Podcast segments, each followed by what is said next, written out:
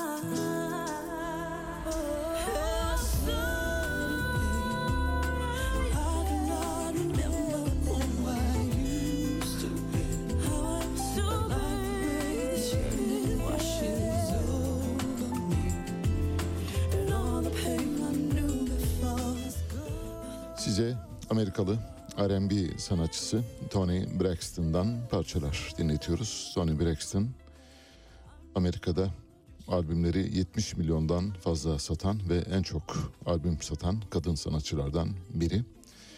Aslında Braxton kardeşler ya da Braxton Sisters diye bilinen bir gruptan çıktı. Fakat diğer kardeşleri o kadar çok başarılı olamadı. O yüzden Sadece elimizde bir Tony kaldı. Tony Braxton şu anda dinlediğiniz kontralto. Kendine özgü bir sesi var. Boğuk, buğulu bir kontralto kendisi.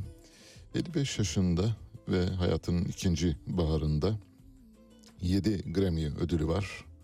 9 Billboard müzik ödülü var. Ayrıca yine 7 Amerikan müzik ödülü sahibi. Ayrıca Georgia Music Hall of Fame'de e, listeye girmiş durumda.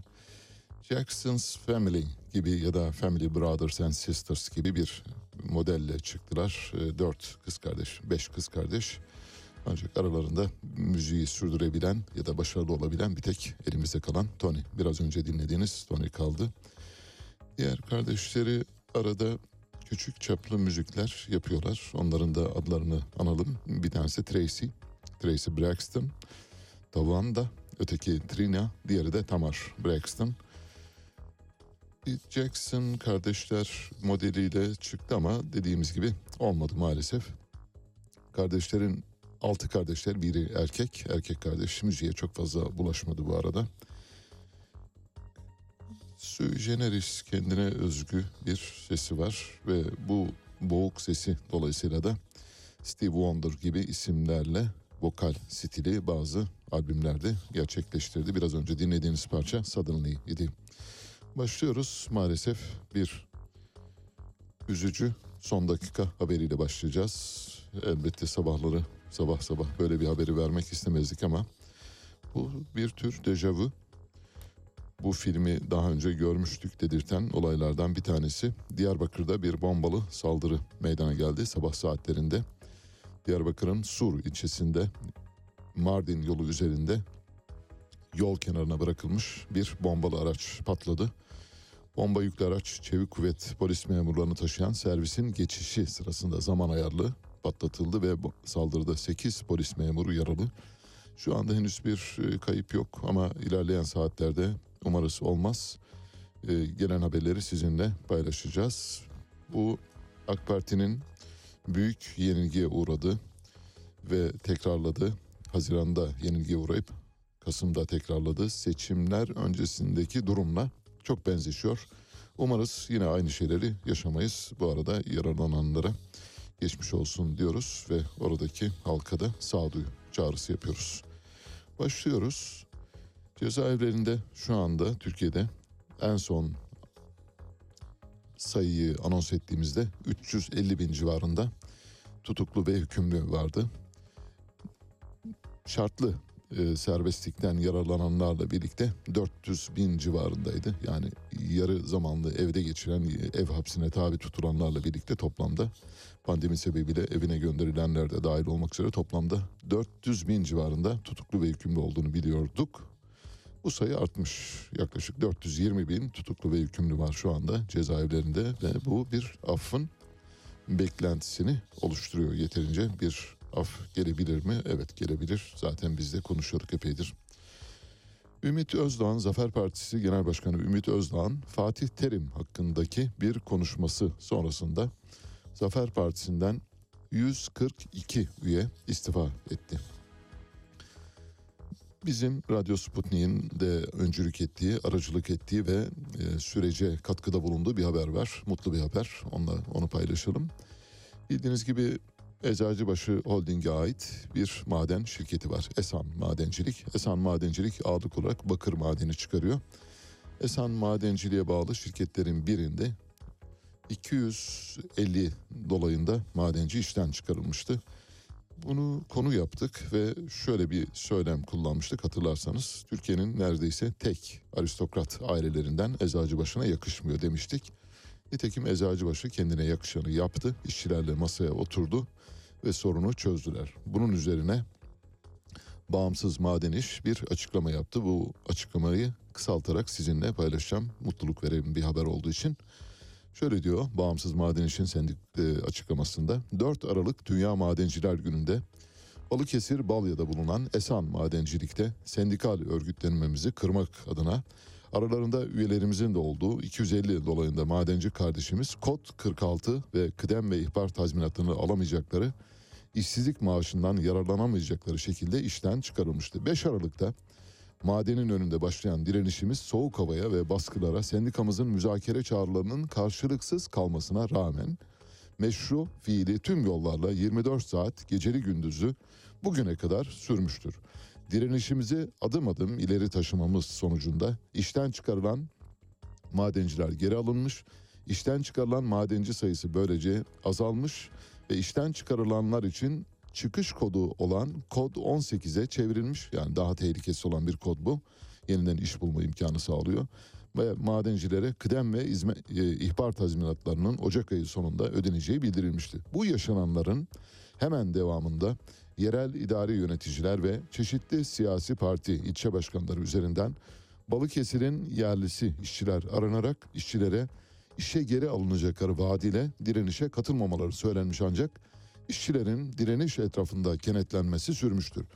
İşverenin işçileri açlıkla terbiye etmeye dönük son maaşların ödenmemesi tavrı da direnişin dördüncü günü maden çıkışını kapatma eylemiyle kırılmıştı. Direnişin sekizinci günü bu sefer maden giriş ve çıkışını madencilerle kapatmamız üzerine Ocak ayı sonunda yatırılacağı söylenen kıdem ve izme, e, ihbar tazminatları da işçilerin hesabına yatırılmıştır. Bu bir dayanışma haberi, dayanışmanın zaferi haberi ve bu aynı zamanda bir kutlama. Kutlamayı Eczacıbaşı Holding'e yönelik olarak söylüyoruz. Ve işten çıkarılan madenci kardeşlerimizin işe geri dönmek isteyenlerin işe geri alınması talebimiz kabul edilmiştir. Aldığımız yazılı taahhüt üzerine işten çıkarılan madenciler 3 aylık bir zaman diliminde aralıklı bir şekilde Esan ve bağlı şirketlerde işe geri alınacaklardır diyor. Bu arada bu vesileyle direnişin ilk gününden bu yana yanımızda olan ve dayanışma için samimi çaba sarf eden milletvekilleri ve siyasilere her birine tek tek teşekkür ediyoruz diyorlar. Asıl önemli teşekkür şurada geliyor son bölümü. Ayrıca sorunun çözümü için 10 gün boyunca karşılaştığımız umursamaz, kibirli, üstten tavrın tam aksine çözüm için inisiyatif alan Eczacıbaşı Holding temsilcisi Eylem Özgür'e de teşekkür ederiz diyor. Evet bir insan kaynakları sorumlusundan bahsediyor. Bu meselenin bu şekilde tatlıya bağlanmış olması bizim açımızdan, Türkiye açısından, işçiler açısından, çalışanlar açısından, iş barış açısından son derece önemli. Hem e, sendikayı kutluyoruz bu örgütlü, kararlı dayanışmasından dolayı hem de Eczacıbaşı Holding Yönetim Kurulu Başkanı Bülent Eczacıbaşı'na da buradan sevgilerimizi gönderiyoruz. Kendisine çiçek atıyoruz. Şimdi Amerika Birleşik Devletleri bendenizin paylaştığı bir tweet var. Bu tweet şu anda 750 bin görüntülenme aldı. Aşağı yukarı bir Kim Kardashian tweetine dönüştü. Tabi biliyorsunuz bunun bir ironi olduğunu elbette. Kim Kardashian tweet'i attıktan 5 dakika sonra 500 bin kişiye ulaşıyor. Biz 24 saat geçtikten sonra 750 bine ancak ulaşabiliyoruz. İşin latifesi bir yana ancak bu tweette şunu söylemiştik. Washington oyuncu değiştiriyor demiştik. Yani Türkiye'de Ekrem İmamoğlu davasıyla ilgili gelişmeleri yorumlarken aslında bugüne kadar 20 yıldır sürdürülen AK Parti iktidarıyla artık yol yürümeyeceği anlaşıldı. Amerika Birleşik Devletleri'nin ve yeni bir oyuncuyu sahaya sürmek istediğini ifade etti. Bu tweet çok okundu, çok eleştiri aldı. Birkaç da olumsuz eleştiri var. Elbette onlara da saygı duyuyoruz. Olabilir. Herkesin görüşünü e, saygıyla karşılamak lazım. Ancak anladığımız şu. Amerika Birleşik Devletleri elini dirseğine kadar içimize sokmuş durumda. Yani bizim şu anda yemeğimizin içinde Amerika'nın eli var. Karıştırıyor. Şimdi Amerika Birleşik Devletleri Türkiye'yi S-400 füzeleri aldığı için ve Rusya ile yakınlaştığı için dirsekliyor diye düşünüyoruz değil mi? Peki şimdi bir örnek vereceğim. Bir haber var aslında. Son dakika haberi sayılabilir. Mesela dünyada şu anda Batı blokuna mensup olan ya da Batı blokuyla yan yana yürüyen ülkelerin bazılarında yine S-400 füzeleri, S-300 füzeleri var. Örneğin nerede var? Yunanistan'da var. Girit adasında var. Yani Güney Kıbrıs Rum yönetiminin aldığı füzeler var. Başka nerede var? Hindistan'da var. Mesela Hindistan'da sayısız S-400 bataryası var. Sayısız S-400 bataryasına sahip olmasına rağmen batıdan silah ambargosu yemeyen bir Hindistan'dan bahsediyoruz. Türkiye S-400 füzeleri aldığı için Türkiye'ye F-35 savaş uçaklarını vermiyorlar. Parasını ödediğimiz F-16'ları vermiyorlar. Patriot füzeleri vermiyorlar. Ama aynı Amerika, aynı Batı, aynı NATO Türkiye'ye gelince başka, bir başka ülkeye gelince başka. Yani bir ikircikli yol izliyor. Örneğin Hindistan'ın elindeki S-400 füzeleri Batı'nın onlara bir silah ambargosu uygulamasını gerektirmiyor. Mesela Hindistan dün son Rafael uçaklarından birini daha teslim aldı. Toplamda 36 Fransız yapımı Rafael uçağı var. Rafael uçağı biliyorsunuz NATO'nun envanterinde olan uçaklardan bir tanesi. Hindistan medyası haberi şöyle paylaştı. Paket tamamlandı. Birleşik Arap Emirlikleri'ne ait bir uçaktan havada yakıt ikmali yapıldıktan sonra 36 Rafael'den sonuncusunun Hindistan'a indiğini bildirdi. Hindistan medyası paylaşımın sonunda da Arapça olarak çok teşekkürler denildi. Bu da Birleşik Arap Emirlikleri'ne yönelik. Hindistan medyası 4,5. nesil diye niteleniyor. 5. neslin bir ön ayağı yani dünyanın en gelişmiş uçaklarından bir tanesi olan Rafael'in yedek parçalarıyla birlikte teslim alındığını bildiriyor. Demek ki bu işler böyle oluyor. Yani Amerika Birleşik Devletleri ve Batı çifte standart konusunda hiç söylenecek laf bıraktırmıyor bize. Her şey ortada, her şey ayan beyan ortada. Eğer bir e, S-400 füzeleri sahibi olmak Batı silah ambargosuna maruz kalmak anlamına geliyorsa normalde Hindistan'a tek bir mermi bile verilmemesi lazımdı ama Rafael'i teslim aldı. Ayrıca Patriot'ları aldığını da biliyoruz. Ve Hindistan bu konuyu şu anda yoğun biçimde tartışıyor. Muhalefetteki Hindistan Ulusal Kongresi bildiğiniz gibi Gandhi'nin partisi kendi iktidarları döneminde daha düşük fiyata pazarlığı yapılan uçakların Başbakan Narendra Modi'nin 2014'te iktidara gelmesinin ardından 3 katı bedel ödenerek satın alındığını duyurmuştu. Burada da muhalefetle iktidar arasındaki çatışmanın fiyattan kaynaklandığını, ideolojik bir tartışma yok. İdeolojik tartışma olsa belki önemseyeceğiz ama biz o uçakları daha ucuza alacaktık. Siz 3 kat bedeli ödeyerek fazla bedel ödeyerek aldınız diyor. Burada da Narendra Modi'ye küçük böyle bir nepotik ve küçük bir korupsiyonel gönderme var. Yolsuzluk göndermesi var. Onu da bir dipnot olarak belirtmiş olalım. Şimdi dünyada, dünyanın bütün ülkelerinde standartlar aşağı yukarı aynıdır. Biz radyo yayıncılığı yapmaya başladığımızdan bu yana şunu söylemiştik hatırlarsanız izleyicilerimizin mutlaka dikkatli izleyicilerimizin e, calibi dikkatidir diye düşünüyoruz. Medyanın dünyada küresel medyanın, ulusal medyanın aynı zamanda tüm medyanın demek lazım. Elbette alternatif ve bir tür muhalif e, yayıncılık yapan medyayı bunun kapsamının dışında tutuyoruz. Muhalif medya dışındaki bütün medyanın tek bir görevi vardır. O görev olabildiğince olayları kamuoyundan saklamaktır. George Orwell'in deyimiyle söylemek gerekirse habercilik birilerinin duyulmasını, görülmesini istemediği bilgileri paylaşmaktır. Bunun dışında kalan bilgileri paylaşmak habercilik değil, halkla ilişkiler faaliyetidir diyor George Orwell. Nitekim bunu kanıtlayan bir haber var şu anda elimde. Amerika Birleşik Devletleri Kennedy suikastinin belgelerini tamamını paylaştı dün itibariyle. Kaç yıl sonra? 60 yıl sonra. Şimdi Amerika dünyanın en özgür ve özgürce tartışmaların yapıldığı ülkesi diye biliyorsunuz değil mi? Öldürülen bir Amerikan başkanının gizli belgelerini kendi halkıyla, kamuoyuyla kaç yıl sonra paylaşıyor? 60 yıl. Nasıl? Geciktirme efekti doğru mu değil mi? Yani medya bir geciktirme efekti kurgulamak üzere çalışan aparattan ibarettir. Genel, yaygın medyadan bahsediyoruz. Öyle olmasaydı Amerika vatandaşları şu anda çoktan öğrenmiş olmaları gerekiyordu ama olmuyor. John Fitzgerald Kennedy 22 Kasım 1963'te seçim çalışmaları için gittiği Teksas'ta uzaktan dürbünlü bir tüfekle öldürülmüştü ve ortaya önce bir katil sonra bir katil zanlısı çıkmıştı. Duruşmalar günlerce, aylarca, yıllarca sürdü. Katil zanlılarından bir tanesi ortadan kaldırıldı CIA tarafından ve olay karanlıkta, hala karanlıkta. İşte şimdi belgeler açıklanıyor. Bu belgelerin bile kamuoyuna açıklanan 60 yıl sonra açıklanan belgelerin bile tüm belgeleri kapsamadığını söyleyebiliriz. Orada yine bir gizli nokta muhtemelen kalmıştır diye düşünüyoruz. Başlamıştık ama sporla ilgili haber e, elime yeni ulaştığı için spor girişi yapmadık. Böyle yapacağız biliyorsunuz. Futbolda artık sona geliyoruz. 17 Aralık günü Hırvatistan Fas üçüncülük maçı için karşı karşıya gelecek. Gönlümüz elbette Fas'tan yana ve Türkiye'nin geçmişte imza attığı başarının bir benzerini gerçekleştirebilir diye umuyoruz bir üçüncü dünya ülkesi olarak. Ve 18 Aralık'ta da final maçı olacak. Muhteşem final. Arjantin Fransa arasında Messi ile Mbappe'nin karşılaşması anlamına geliyor. Her iki maçta saat 18'de yarın ve sonraki gün maçların saat 18'de gerçekleşeceğini hatırlatmış olalım. Gelelim Ekrem İmamoğlu meselesine. Ekrem İmamoğlu ile ilgili attığımız tweet ortada. Bu tweet epey bir okundu. Çok sayıda eleştiri var.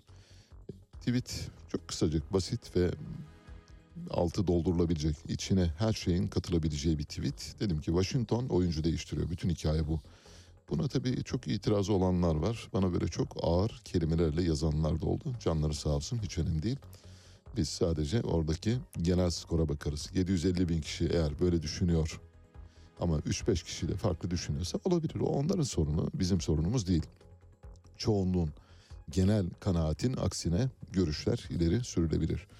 Ekrem İmamoğlu davasının savcısı yıllık izne çıkacağını gerekçe göstererek istinaf yolunun kapanmaması için hakimden 7 gün içinde gerekçeli kararın yazılmasını talep etti. Aceleleri var. Bir yere bir yere tabakhaneye bir şey yetiştiriyorlar. Yani tabakhaneye bir şey yetiştirmeleri lazım. O yüzden acele ediyorlar. İzne çıkacaksanız erteleyin. İzne çıkmayacaksanız bırakın başka bir savcı baksın. Yok öyle değil böyleyse yani illa siz bakacaksanız o zaman da daha usulüne uygun davranmanız lazım. Bu yargı tarihinde çok e, eşi benzeri görünmeyen olaylardan bir tanesi. Savcı mahkemeye bir an önce istinaf yoluna başvuracaksanız başvurun. Aksi halde yani ben izne çıkıyorum dolayısıyla davaya bakamayacağım diyor. Elimde e, Furkan Okudan Cumhuriyet Savcısının İstanbul Anadolu 7. Asliye Ceza Mahkemesi'ne yazdığı yazı var. Şöyle diyor. Usul ve yasaya aykırı hususları içermesi nedeniyle yukarıda zikredilen kararın bozulması için istinaf yoluna gidilecektir. Yıllık izne ayrılacak olmam nedeniyle istinaf layihamızı hazırlamak üzere gerekçeli kararın başsavcılığımıza tebliği rica olunur diyor. Ne zaman? Bir hafta içinde. Tabakhaneye bir şey yetiştirmek istiyorlar.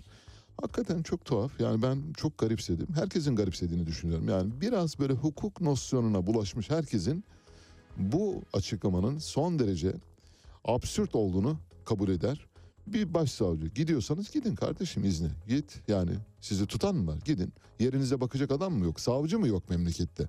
Başka bir savcı bakar. Hayır başka bir şey var. Yani bir kurgu var. Dolayısıyla kurgunun yürümesi için sürecin böyle gitmesi gerekiyor. Bu bir ayıp yani hukuk açısından bence ayıp bu arada savcılık istinaf mahkemesine başvuruda bulunacağını da deklare etmiş oldu. Dün Saraçhane'de Ekrem İmamoğlu, Meral Akşener, Canan Kaftancıoğlu ve tüm altılı masa e, bir e, Temel Karamollaoğlu hariç o da sağlık sebebiyle katılamadı bir e, kontrolü varmış o sebeple açıkça beyan etti. Onun dışındaki bütün altılı masa üyeleri ve altılı masa yöneticileri Saraçhane'deydi. Bir miting yapıldı. Mitingde emniyetin rakamlarına göre 25 bin kişi olduğu tahmin ediliyor. Daha fazla olur fazla mıydı değil mi bilmiyorum. Bu tartışmaya girmek de istemem şahsen çünkü orada bulunup saymak lazım. Yani en azından bir tahminde bulunmak lazım. Kameraların açılarına göre e, katılımcı sayısını bilmek biraz zor, yanıltıcı olabilir. Fakat yanıltıcı olmayan bir şey var. O da şu. Dünkü mitingi Habertürk, CNN Türk, NTV, TV100 gibi kanalların hiçbiri canlı yayınlamadı. Nasıl? Demek ki bu işler böyle oluyormuş. Evet iş buraya gelince şimdi medya kendi arasında konsolide olmaya başladı.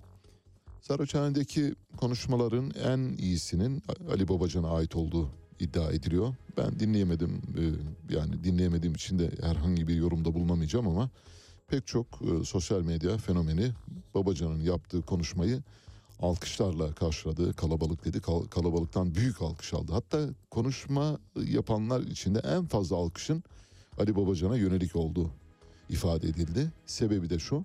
Ali Babacan Selahattin Demirtaş'tan bahsettiği konuşması sırasında Selahattin Demirtaş'ın haksız ve hukuksuz yere içeride olduğunu söyleyince bir alkış kıyameti. Bu da şunu gösteriyor. Oradaki topluluğun önemli bir bölümünün tabii ne kadar olduğunu bilmiyoruz ama Kürt seçmene dayalı olduğunu görüyoruz. Kürt sosyal demokrat seçmene dayalı olduğunu görüyoruz anladık. Devlet Bahçeli duruma müdahil olmaya başladı. Millet İttifakı'nın içindeki meseleyi şu anda Devlet Bahçeli çözmeye çalışıyor. Şöyle bir paylaşımda bulundu. Dedi ki İstanbul Büyükşehir Belediye Başkanı dokunulamaz, ulaşılamaz ve ayrıcalıklı bir şahıs değildir. Hakkında tesis edilen ve kesinleşmemiş bir mahkeme hükmünü fütursuzca siyasileştirip toplumsal alanda yığınak haline dönüştürmek adalet ve hukuk ilkelerine vahim bir saldırıdır diyor. Ne demek istiyor Devlet Bahçeli? Ben Ekrem İmamoğlu'na karşıyım ama Kemal Kılıçdaroğlu'ndan yanayım. Peki Kemal Kılıçdaroğlu'na düne kadar PKK yandaşı, PKK ağzıyla konuşan Kemal e, Kemal Kılıçdaroğlu diyen siz değil misiniz? İşte köprülerin altından akan sular bize bunları söyletiyor.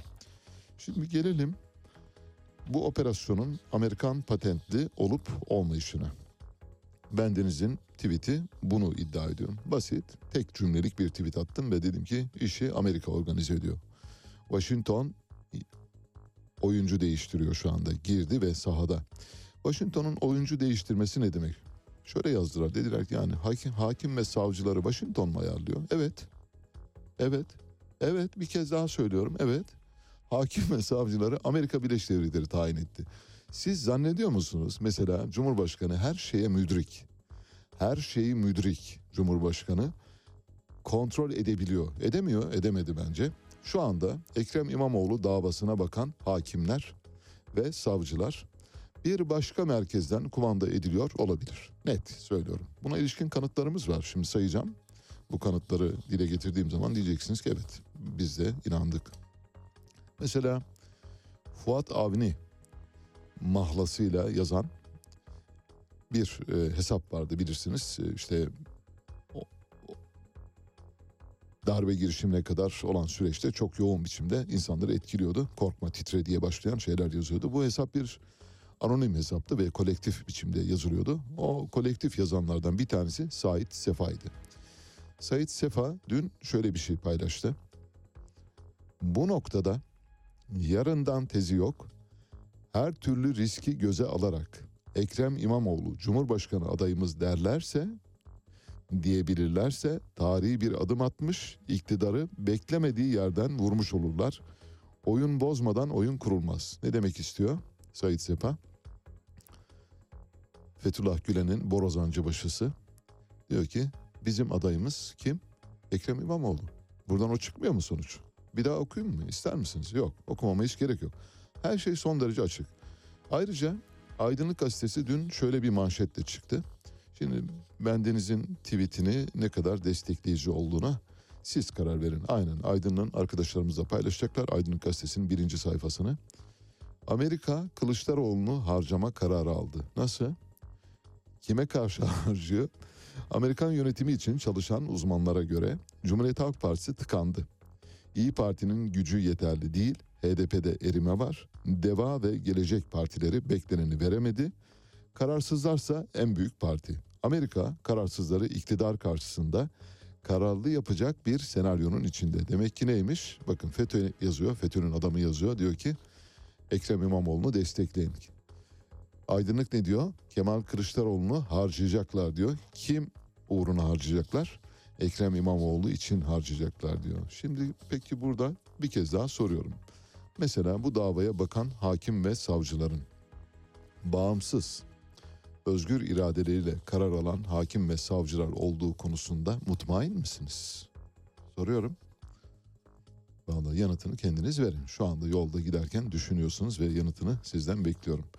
Aydınlık Gazetesi yazarlarından İsmet Özçelik'in benim de yakından tanıdığım gazetecilerden biridir. Arkadaşım sayılır.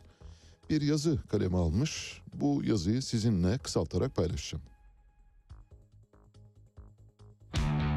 Enflasyon bir armut gibi böyle olgunlaşıp daldan düşebilecek bir data değildir dedi. Şimdi fiyatlar düzeyi belli bir seviyeye kadar ulaştığında hepimizin günlük hayatında biz ne yapıyoruz? İşte bir bardak 10 lira, yarın 15 lira oluyor, öbür gün 20 lira oluyor. Siz eskiden altılı bir bardak alırken üçlüye dönüyorsunuz, ikiliye dönüyorsunuz. Talep burada azaldığında belki enflasyonun belli bir noktada durması sonucu oluşabilir. Enflasyon bir armut değildir. Olgunlaşıp dalından düşmesini beklemeyiniz değil mi? Bunu bir e, motto olarak yazmak lazım. Evet, e, İsmet Özçelik aynı zamanda Radyo Sputnik'in program e, yapımcılarından biri. E, şöyle diyor, Amerika ile temaslı kimle konuşsam, gazetecisi, siyasetçisi, iş adamı aynı şeyi söylüyor. Türkiye mesaisi hızlandı. Kaynaklarını soruyorum, adresler benzer. Beyaz Saray, Pentagon, Dışişleri Bakanlığı. Bunlardan da önemlisi Rand Corporation Brookings Enstitüsü. Amerikan yönetiminin yol haritasını çizen kuruluşlar Türkiye'yi hizaya getirme faaliyetlerini artırmışlar. Biden'ın seçim vaadiydi, iktidarı devirecekti, muhalefete destek verilecekti, şimdi bunun için çalışıyorlarmış. Bu çerçevede muhalefet üzerine yoğunlaşmışlar, gelen bilgilere göre değerlendirmeler şöyle. Cumhuriyet Halk Partisi tıkandı, biraz önceki başlık, manşet bu yazıdan alındı. CHP tıkandı, oyları artmıyor. İyi Parti asas esas e, aktör ama gücü yeterli değil. Deva ve Gelecek Partisi bekleneni vermedi. Ama AK Parti'den ne koparırlarsa kardır. HDP'de erime olsa da ilk seçim için rolü büyük. Bu durumu iyi değerlendirmeli. Şu anda kararsızlar en büyük parti, onlar da gözünü buraya dikmiş. Kararsızları iktidar karşısında kararlı yapacak arayış içindelermiş. Çeşitli senaryolar hazırlanmış, hangisi devreye sokulacak o tartışılıyor. Bir yakınım Amerika'yı da çok iyi bilen bir arkadaşım izlenimlerini şöyle anlattı. Amerika Kılıçdaroğlu'ndan umudu kesmiş. Beceriksiz buluyorlar. Onunla sonuç alamayacaklarını düşünüyorlar. Mezhepsel sıkışmışlığını engel olarak görüyorlar. Cumhurbaşkanlığı adaylığı hiç gündemlerinde değil. CHP'nin başı içinde arayıştalar. Gördüğüm kadarıyla İmamoğlu'nu deneyecekler. Amerika'nın yeni gözdesi Ekrem İmamoğlu. Adını çok gündeme getirdiler. Oyun oynamaya karar vermişler. Ona oynamaya karar vermişler diyor. Amerika İmamoğlu'yla ilgisi yeni değil. Amerika derin devletinin en önemli kuruluşu Rand Corporation'ın Türkiye'nin milliyetçi rotası raporunda da yine Ekrem İmamoğlu'nun adı geçiyor. Rapor özette şöyle. Ekrem İmamoğlu'nun İstanbul Büyükşehir Belediye Başkanı olarak kapsayıcı politikaları ve kararlı zaferi 2023 genel seçimlerinde onu Erdoğan'ın en zorlu rakibi olarak öne çıkardı. Bu Amerikan Rand Corporation raporundan alıntılar. Washington'un önde gelen Türkiye uzmanlarından Stephen Cook, Pentagon politikalarında etkin Foreign Policy'de bir makale yazdı. O makalede de yine benzeri şeyler var. Şöyle diyor Foreign Policy'de. Amerika için önemli olan kendisi. Türkiye'nin Asya'ya kayışını engellemektir. Bütün hesaplarını buna göre yapıyor. Afganistan yenilgisini Türkiye ile telafi etmek peşinde. Demek ki neymiş? İşin içinde Amerika var. Amerika şu anda elini dirseğine kadar içimize sokmuş durumda ve bizim içimizi karıştırıyor maalesef. Eğer hani hala tweetle ilgili yok öyle değil de böyle vay demek Amerika ta oradan gelip buraya savcıları hakimleri ayarlıyor öyle mi abi her şeyi sen biliyorsun diye böyle çok ağır yazanlar var bu arada. Teessüf etmiyorum onlara istediklerini yazabilirler. Ama işte kanıtlar ortada 15 dakikadır konuşuyorum anlatmaya çalışıyorum. 15 dakikadır sunduğum kanıtlar eğer bir şey ifade etmiyorsa yine söylemenizde ısrar edebilirsiniz. Ama yok bunlar sizi ikna ettiyse o zaman görüşünüzü değiştirmenizde fayda var. Evet bu bahsi böylece hafif hafif kapatacağız ama bir son bir fotoğraf verelim. Fotoğraf Ekrem İmamoğlu'yla Meral Akşener'in otobüsün üzerinde birbirlerine sarıldıkları anı gösteriyor. Arkadaşlarımız paylaşacaklar. Bu fotoğraf karesinin bir benzeri de Ekrem İmamoğlu'nun makam odasında yaşandı. Orada da böyle birbirlerine koşarak sarıldılar. Müthiş bir muhabbet var. Bildiğiniz gibi Meral Akşener Ekrem İmamoğlu ile ilgili onu bulabilir miyiz sesini lütfen? Rabbi Yessir. Şöyle demişti. Ablamla konuşuyorum demişti Meral Akşener. Ekrem İmamoğlu'nun yüzüne baktığımda onda Rabbi Yessir duasını görüyorum demişti. Rabbi Yessir ne? Allah'ım işimizi kolaylaştır, bizi muvaffak eyle anlamında bunu görüyorum demişti. Ta o zamandan işaretini vermişti. HDP milletvekili Ziya Pir bu fotoğrafı paylaşarak şöyle dedi. En sinsi tehlike dedi. Fotoğrafı yorumsuz olarak dikkatlerinize sunuyorum. Peki bulduk mu sesi? Bulamadık henüz. Bir- Birazdan. Ankara İstinaf Başsavcılığı Alaaddin Çakıcı'nın hapse girmemesi için aleyhindeki kesinleşmiş mahkeme kararını kanun yararına bozma talebiyle Yargıtay'a gönderdi. Alaaddin Çakıcı'ya sonsuz ve sınırsız özgürlük verecek bir karar çıkacak. Yani merak etmeyin hani başvurduysa o olacak demektir. O kedi buraya gelecek. Peki dinleyelim Rabbi Yessir. Ne hissettiyse benim ablam 16 yaşında oğlunu kaybetmiş. Şu anda 75 yaşında. Dindar bir kadın. Yani ve e, dindar e, AK Parti bünyesindeki pek çok kendi yaş grubundan e, dindar kadınlarla da beraber. Yani işte günleri var onların. E, 41 Yasin günleri var, cuma duaları falan var. Şimdi böyle bir e, ablam var benim. Mesela ablam bana dedi ki ben dedi baktım baktım dedi. Bu dedi e, Ekrem e, kardeşimin dedi o şey yüzünde Rabbi esir gördüm dedi. Bu bir gerekçe. Oy verme gerekçesi. Evet yani burada dolayısıyla yorumu size bağlı. Artık e, parçaları birleştirdiğiniz zaman ortaya çıkacak resmi çok daha net görme imkanınız olacak. 6 yaşındaki kıza istismar davasında baba Yusuf Ziya Gümüşel, Hiranur Vakfı Başkanı ve kızın kocası 29 yaşındaki kocası o tarih itibariyle 29 yaşındaki kocası Kadir İstekli dün itibariyle tutuklandı. Küçük böyle havayı bir yumuşatalım. Bir fotoğraf paylaşacağım. Fotoğrafta Nevzat Aydın var. Lütfen arkadaşlarımız paylaşırlarsa fotoğrafla ancak ifade edebileceğiz. Kendisi bildiğiniz gibi Yemek Sepeti'nin kurucusu. Sonra Yemek Sepeti'nde CEO olarak Almanya şirketine satıldı. Delivery Hero'ya satıldıktan sonra CEO görevine devam ediyordu. Ancak o arada biraz böyle dozunu kaçırdı. Çalışanlara nankör, ahlaksız gibi kelimelerle yüklenince Almanlar da artık sizinle değiliz dediler ve yolunu ayırdılar. Şimdi Nevzat Aydın Dünya Kupası başladığından bu yana, elemeler başladığından bu yana hangi takımın formasını giydiyse o takım elendi. Nasıl? Mesela yarın Arjantin formasını giymesini bekliyoruz. İnşallah Allah'ın izniyle kudretli ve kuvvetli bir şey var.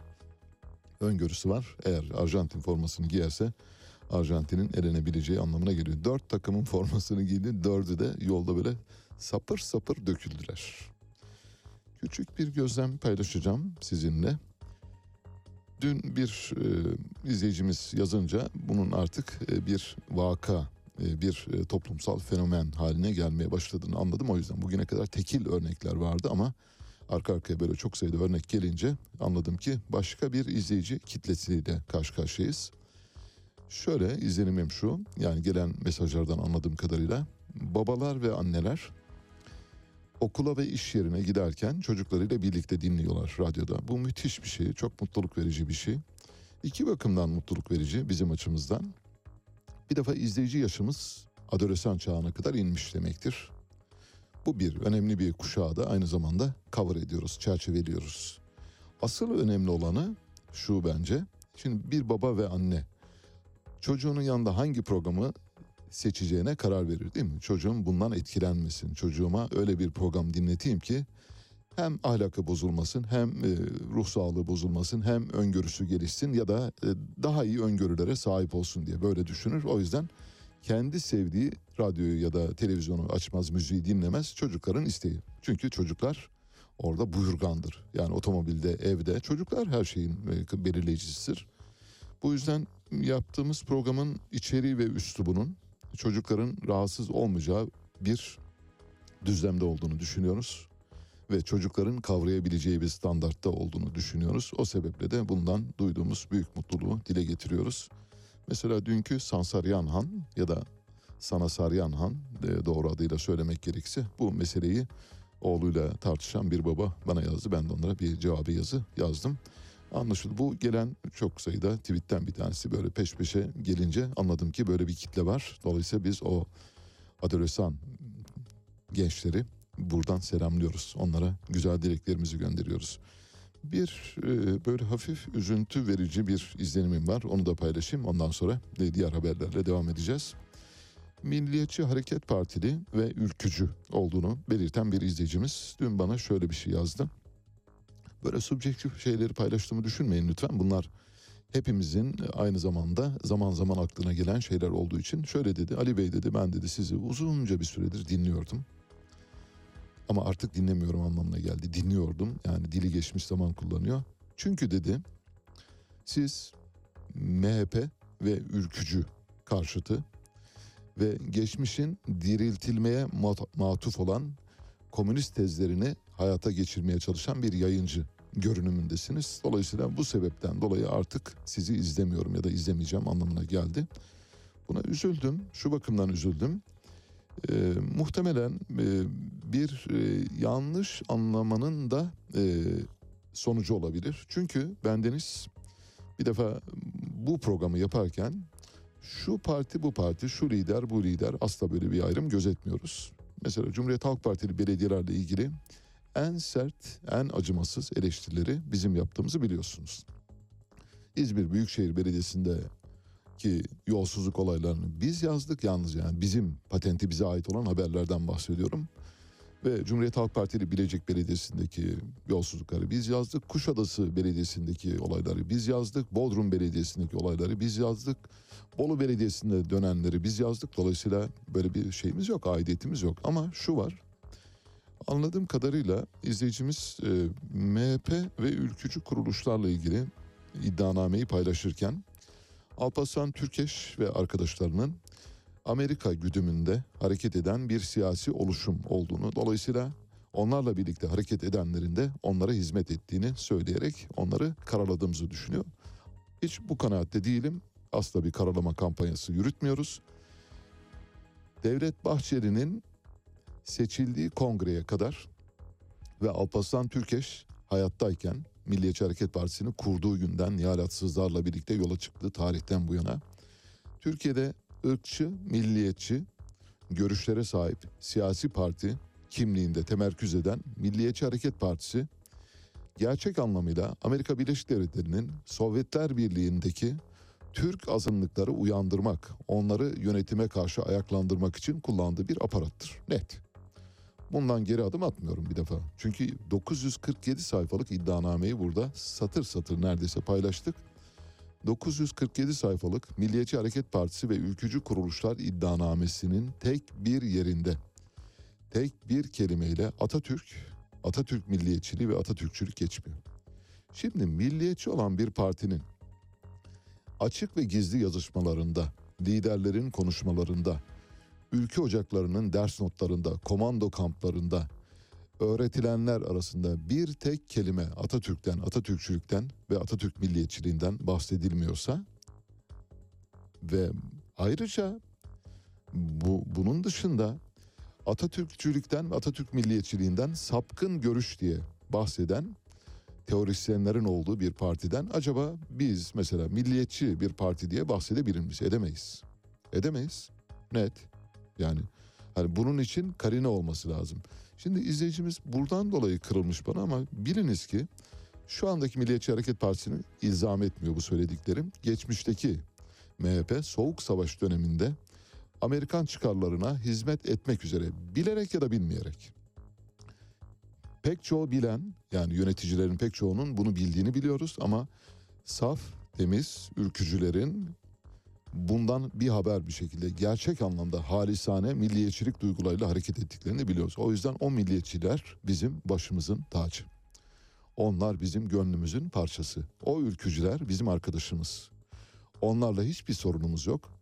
Bilmeden alet olanlarla da bir sorunumuz yok ama bilerek Türkiye'yi 1970'li yıllardan 1980'li yılların sonuna kadar bir terör bataklığının içine sür- sürükleyen, kardeşi kardeşe kırdıran bu operasyonun işinde imzası olanlar burada suçludur. Şimdi mesela ben bir hani yine çok öznel bir konuya giriyorum ama bunu da söyleyip öyle noktalayacağım bu bahsi. Mesela Milliyetçi Hareket Partisi ve ülkücülerden çok sayıda arkadaşım var benim. Örneğin Muhsin Yazıcıoğlu'yla dostluk mertebesinde ilişkilerimiz vardı. Çok muhteşem bir insandı öyle söyleyeyim. Ökkeş Kenger ya da Ökkeş Şendiller Kahramanmaraş olaylarının bir numaralı sanığı. Ökkeş mesela arkadaşım sayılır öyle söyleyeyim. Milliyetçi Hareket Partisi Genel Başkan Yardımcılarından eski Şevket Bülent Yahnici dostluk ve arkadaşlık mertebesinde ilişkilere sahip olduğum biri. Eski Genel Başkan Yardımcılarından Rıza Müftüoğlu yine dostluk ilişkilerine sahip olduğum insanlardan biri. Daha sayabilirim yani onlarca sayabilirim. Dolayısıyla böylesi dostluk ilişkilerine sahip olduğum insanların içinde olduğu bir siyasi hareketi topyekün karalamam söz konusu olabilir mi? Olamaz. Böyle bir de- şeyde bulunamam. Böyle bir ifratta bulunamam. Mesela Muhsin Yazıcıoğlu'nun parlamentoya ilk seçildiklerinde kendi samimi ikrarı vardır. Aynen konuştuk kuliste. Biz Amerika tarafından kullanıldık dedi. Ve Amerika tarafından kullanıldık cezaevlerinde bize eza çektirdiler. Artık o noktada değiliz dedi. O yüzden Milliyetçi Hareket Partisi'nden koptu. O yüzden bozkurtlara huruç harekatı yaparak yavru kurtlar yuvayı terk ettiler. O yüzden. Şimdi durum böyleyken bugün mesela bugüne geliyorum sonlandırıyorum lütfen. Eğer e, sabrınızı zorladıysam kusura bakmayın. Mesela bugün Amerika'nın biliyorsunuz 1960'lı yıllardan itibaren Sovyetler Birliği'ni çerçevelemek üzere bir yeşil kuşak projesi var. Yani İslami yeşil kuşak. İslami yeşil kuşak nedir? Sovyetleri Afganistan, Pakistan, İran, Türkiye gibi ülkelerle çevirerek batıda zaten NATO ittifakı var. Dolayısıyla orada hapsetmek. Şimdi bu ittifakın mimarları, yeşil kuşak teorisinin mimarları kimler? Richard Pearl, Karanlıklar Prensi, CIA istasyon şefi. Graham Fuller, bildiğiniz gibi ve Morton Abramovich. Şimdi bu insanların çizdiği politikayı temsil eden ve onların arkasından giden İslami Yeşil Kuşak projesini Türkiye'nin çıkarlarını ile paralel gibi gören İslamcılara samimi Müslüman diyebilir miyiz? Diyemeyiz. Tıpkı samimi Müslümanların bugün maruz kaldığı muameleye geçmişte ülkücüler maruz kalmışlardı. Onlar da bir aldatılmanın eşiğindeydiler. Oradan tabii dönenler oldu elbette. Bu yüzden böyle upuzun bir açıklama yapmak durumunda kaldım. Samimi, halisane, Türk milliyetçiliğini benimsemiş ülkücüler başımızın tacıdır. Kimseye bir düşmanlığımız yok. Evet, böylece bu uzun diskuru da tamamlamış olduk. Şimdi habere gidiyoruz. Mehtap Yeni Doğan geliyor size. Tony Braxton'dan parçalar seçtik. Sizi Tony Braxton'la baş başa bırakıyoruz. Amerikalı R&B sanatçısı.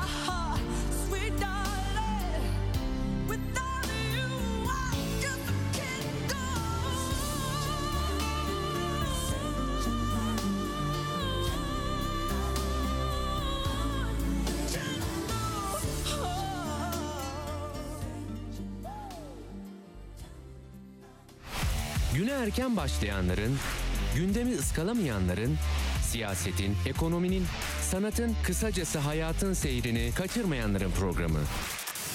Ali Çağatay'la Seyir Hali hafta içi her sabah 7'den 9'a Radyo Sputnik'te.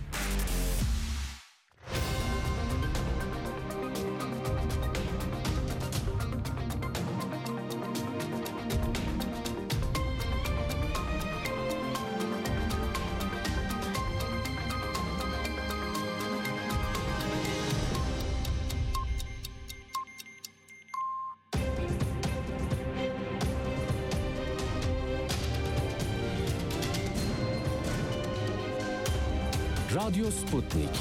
Anlatılmayanları anlatıyoruz.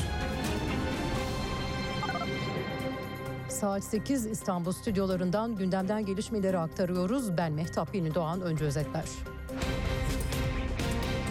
Diyarbakır'da çevik kuvvet polislerini taşıyan servis aracının geçişi sırasında patlama oldu. Yaralılar ve gözaltına alınanlar var. İstanbul Büyükşehir Belediye Başkanı İmamoğlu'nun davasında savcılık mahkemeye usul ve yasaya aykırılık dilekçesi sundu. Bosna Hersek Avrupa Birliği'ne adaylık statüsü kazandı. Ayrıntılar birazdan.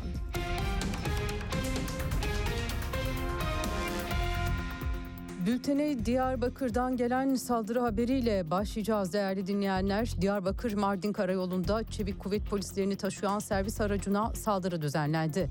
Göreve giden polis aracı geçerken saat 5.10'da park halindeki araçta patlama oldu. Durumun bildirilmesi üzerine olay yerine çok sayıda sağlık ve polis ekibi sevk edildi. Zırhlı polis aracında bulunan 9 kişi kontrol amaçlı hastanelere sevk edildi. Diyarbakır Valiliği 9 kişinin hayati tehlikesinin bulunmadığını bildirdi. İçişleri Bakanı Süleyman Soylu'nun yaptığı açıklamaya göre de iki şüpheli gözaltına alındı. Şüphelilerin olayın faili olduğu değerlendiriliyor.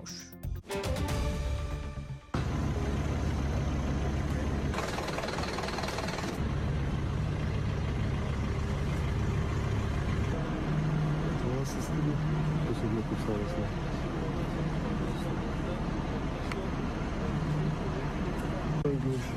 Anda. Son görüntülü olan bombalar. Değerli dinleyenler Diyarbakır'a uzanacağız. Vali Ali İhsan Su açıklama yapıyor. Dinliyoruz. taksi süren şahsı e, gözaltına aldık. Lice'de efendim gözaltına alınmışlardır. Olayla ilgili tahkikat devam etmektedir. E, tekrar geçmiş olsun diyorum. Efendim te- herhangi bir terör bağlantısı var mı gözaltı alınan kişilerle ilgili? Evet onlarla ilgili çalışmalarımız devam ediyor. E, o tür e, efendim bilgiler de var. Onları değerlendiriyoruz. Bombanın cinsi ve patlatılma Arkadaşlar şu anda bir... halen arkadaşlarımız onlarla ilgili tahkikatı, çalışmaları devam ettiriyorlar. İnşallah e, daha da iş e, efendim konuyla ilgili arkadaşlarımız tahkikatı bittikten sonra gerekli açıklamaları yaparız. Sayın Valim Evet, hepsi çok. e, e, sivil, sivili var mı içerisinde? Arkadaşlar bir arkadaşımız var. Onun dışında diğer 8 arkadaşımız polis. Efendim aracın nereden geldiği, bombanın nerede konulduğu noktasında bir... bir... Onlarla ilgili arkadaşlarımız çalışmalarımızı devam ettiriyorlar. Tahkikat bittikten sonra inşallah daha geniş bir bilgi veririz arkadaşlar. Efendim tahrip gücü yüksek bir bomba olduğunu biliyoruz. Ee, Kaç kilo ya da cinsi konusunda İşte arkadaşlarımız şu anda çalışmalarını devam ettiriyorlar. Onlar henüz taze malumunuz. Ee, ama e, iyi şey şu ki arkadaşlarımız Allah'a şükür herhangi bir e, ciddi yaralı arkadaşımız yok. Dediğim gibi 7 arkadaşımız ayakta tedavileri yapıldı, taburcu oldu. İki arkadaşımız da onlar da hafif e, kontrol amaçlı hastanedeler. E, çok teşekkür ediyorum. Sağ olun arkadaşlar. Huzur ve Değerli dinleyenler, Diyarbakır'dan bir saldırı haberi gelmişti. Diyarbakır'da Mardin Karayolu'nda çevik kuvvet polislerini taşıyan servis aracına saldırı düzenlenmişti. Ve Diyarbakır Valisi Ali İhsan Su açıklama yaptı. Yaralı 9 kişi vardı. 9 kişinin 7'sinin taburcu edildiği bilgisini verdi Vali Ali İhsan Su. Ayakta tedavilerinin yapıldığını 7 kişinin ve 2 kişinin de kontrol amaçlı hastanede olduğunu bildirdi.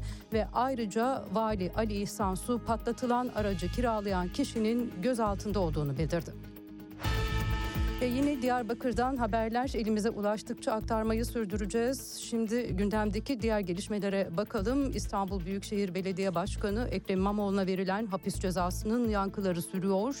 İmamoğlu 31 Mart 2019 seçimlerinin iptal edilmesinin ardından yaptığı açıklamada Yüksek Seçim Kurulu Başkan ve üyelerine hakaret ettiği iddiasıyla açılan davada 2 yıl 7 ay 15 gün hapis cezasına çarptırıldı. E, bu nihai kararın açıklanmasının ardından savcılık dün 7. Asliye Ceza Mahkemesi'ne bir dilekçe yazdı ve bu dilekçede usul ve yasaya aykırı hususlar içermesi nedeniyle kararın bozulması için istinaf yoluna gidileceği belirtildi.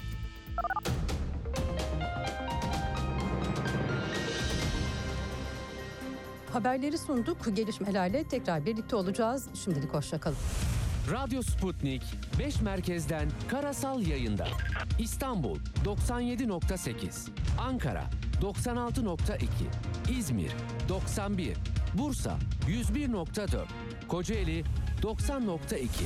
Karasal yayınlarımızın olmadığı yerlerde tr.sputniknews.com adresinden iOS ya da Android mobil cihazınızdan Sputnik News uygulamasını indirerek dinleyebilirsiniz. Radyo Sputnik. Anlatılmayanları anlatıyoruz. Son dakika haberleri, canlı yayınlar, multimedya ve daha fazlası Sputnik Haber Ajansı'nın web sitesinde. Dünyanın küçük bir parçasını değil, tamamını anlamak istiyorsanız sputniknews.com.tr'yi tıklayın, habersiz kalmayın. Radyo Sputnik artık dünyanın en çok kullanılan sosyal ağlarından biri olan Telegram'da. Hala kullanmıyorsanız önce Telegram uygulamasını mobil cihazınıza yükleyin. Ardından Radyo Sputnik'in Telegram kanalına katılın. Canlı yayınlarımızı ve programlarımızı kaçırmayın. Anlatılmayanları anlatıyoruz. Radyo Sputnik WhatsApp hattı sizden haber, bilgi ve yorum bekliyor. Sesinizi kaydedin, WhatsApp'tan 0505 171 66 56'ya gönderin, yayınlansın. Güne erken başlayanların, gündemi ıskalamayanların, siyasetin, ekonominin, sanatın, kısacası hayatın seyrini kaçırmayanların programı. Ali Çağatay'la Seyir Hali hafta içi her sabah 7'den 9'a Radyo Sputnik'te. Evet, şimdi iki küçük ses kaydı dinleteceğiz. İlki e, Süleyman Soylu'ya ait. E, İçişleri Bakanı Süleyman Soylu, Ekrem İmamoğlu için bu görüşmeler başladığından bu yana yargılama süreci kapsamında Ekrem İmamoğlu'nun e, İstanbul'un gördüğü en başarısız belediye başkanlarından biri olduğunu iddia etti. Bu arada Diyarbakır'daki bombalı araç saldırısından çok şükür e, kötü bir haber gelmedi. Polislerin hepsi ayakta de, e, hastanede kontrol altına alınmışlar ve e, sanıyorum hepsi taburcu edilmiş. E, ağır yaralı yok. E, çok hafif yaralanmalar olabilir tabii bir bombalı aracın yakınında olduğunu düşündüğümüzde. Bu bakımdan bir teselli kaynağı olarak bu haberi de paylaşmış olalım. Şimdi Süleyman Soylu'ya kulak verelim. Çöpünü toplamaktan aciz bir belediye başkanı. İETT otobüslerini çalıştırmaktan aciz bir belediye başkanı. Belki de tarihin İstanbul'daki en aciz belediye başkanı. Bütün bu yapamadıklarını acaba hukukun verdiği bir karar üzerinden örtüp başka bir adım atabilir miyim? Şunu ifade etmek istiyorum. Siyasette her şey halkın önünde olur ve halk her şeyi görür. Burada bir hadsizliğe de müsaade etmemek lazım. Tayyip Erdoğan İstanbul'un ve tarihin görmüş olduğu en başarılı belediye başkanıdır. Tarihin en başarısız belediye başkanıyla Tayyip Erdoğan'ı kıyas bile etmek, ağza bile almak çok büyük bir hadsizlik örneğidir. Bunu altını çizerek söylüyorum. Bunun doğru bir kıyas olduğunu ve birbirine benzer hiçbir halinin bulunmamasına rağmen ortaya konulmasını da her haliyle yani yargı kararı açısından yaptığı işler açısından değerlendirmeler açısından böyle bir şey söz konusu değildir. Onun için birileri Bizans oyunlarıyla becerisizliklerini örtmeye çalışabilirler ama her şey halkın önünde cereyan etmektedir. Peki e, Süleyman Soylu noktayı koydu etmektedir dedi. O zaman biz de bir noktayı koyalım. E, Cumhurbaşkanı Erdoğan geçmişte e, Ekrem İmamoğlu'nun seçilmesinden sonra hakkında başlatılan soruşturma sırasında dedi ki Ekrem İmamoğlu'nun belediye başkanlığı düşebilir. Bir hatırlayalım. Burada tabii yargı böyle bir şeyi verdiği takdirde vermesi halinde zaten bu düşer. hele hele bir e, konu var ki o da şudur. E, biliyorsunuz e, özellikle bu tür yargı süreci içerisinde belli bir süreyi aşan bir cezayı alması halinde bu düşecektir. O süreyi aşmazsa zaten görevine de devam. Burada tabii Evet, şimdi bir e, istifa, bir de tutuklama haberi var. Önce tutuklama haberini verelim. Sivil Havacılık Eski Genel Müdürü Bahri Kesici nitelikli dolandırıcılık suçlamasıyla tutuklandı.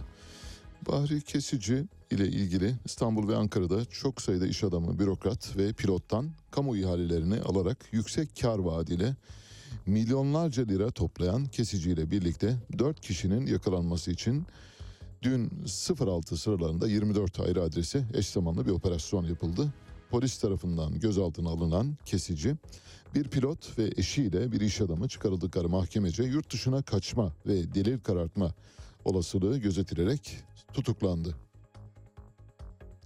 Bari kesicinin Onur Air'in satışına aracılık etmek ve komisyon almak, yüksek kar vaadiyle mezarlık yeri satın almak için para toplamak, kamu ihalelerinden pay vermek amacıyla milyonlarca lira toplamak mağdurlar arasında pilotların ve, ve iş adamlarının olduğu bildiriliyor.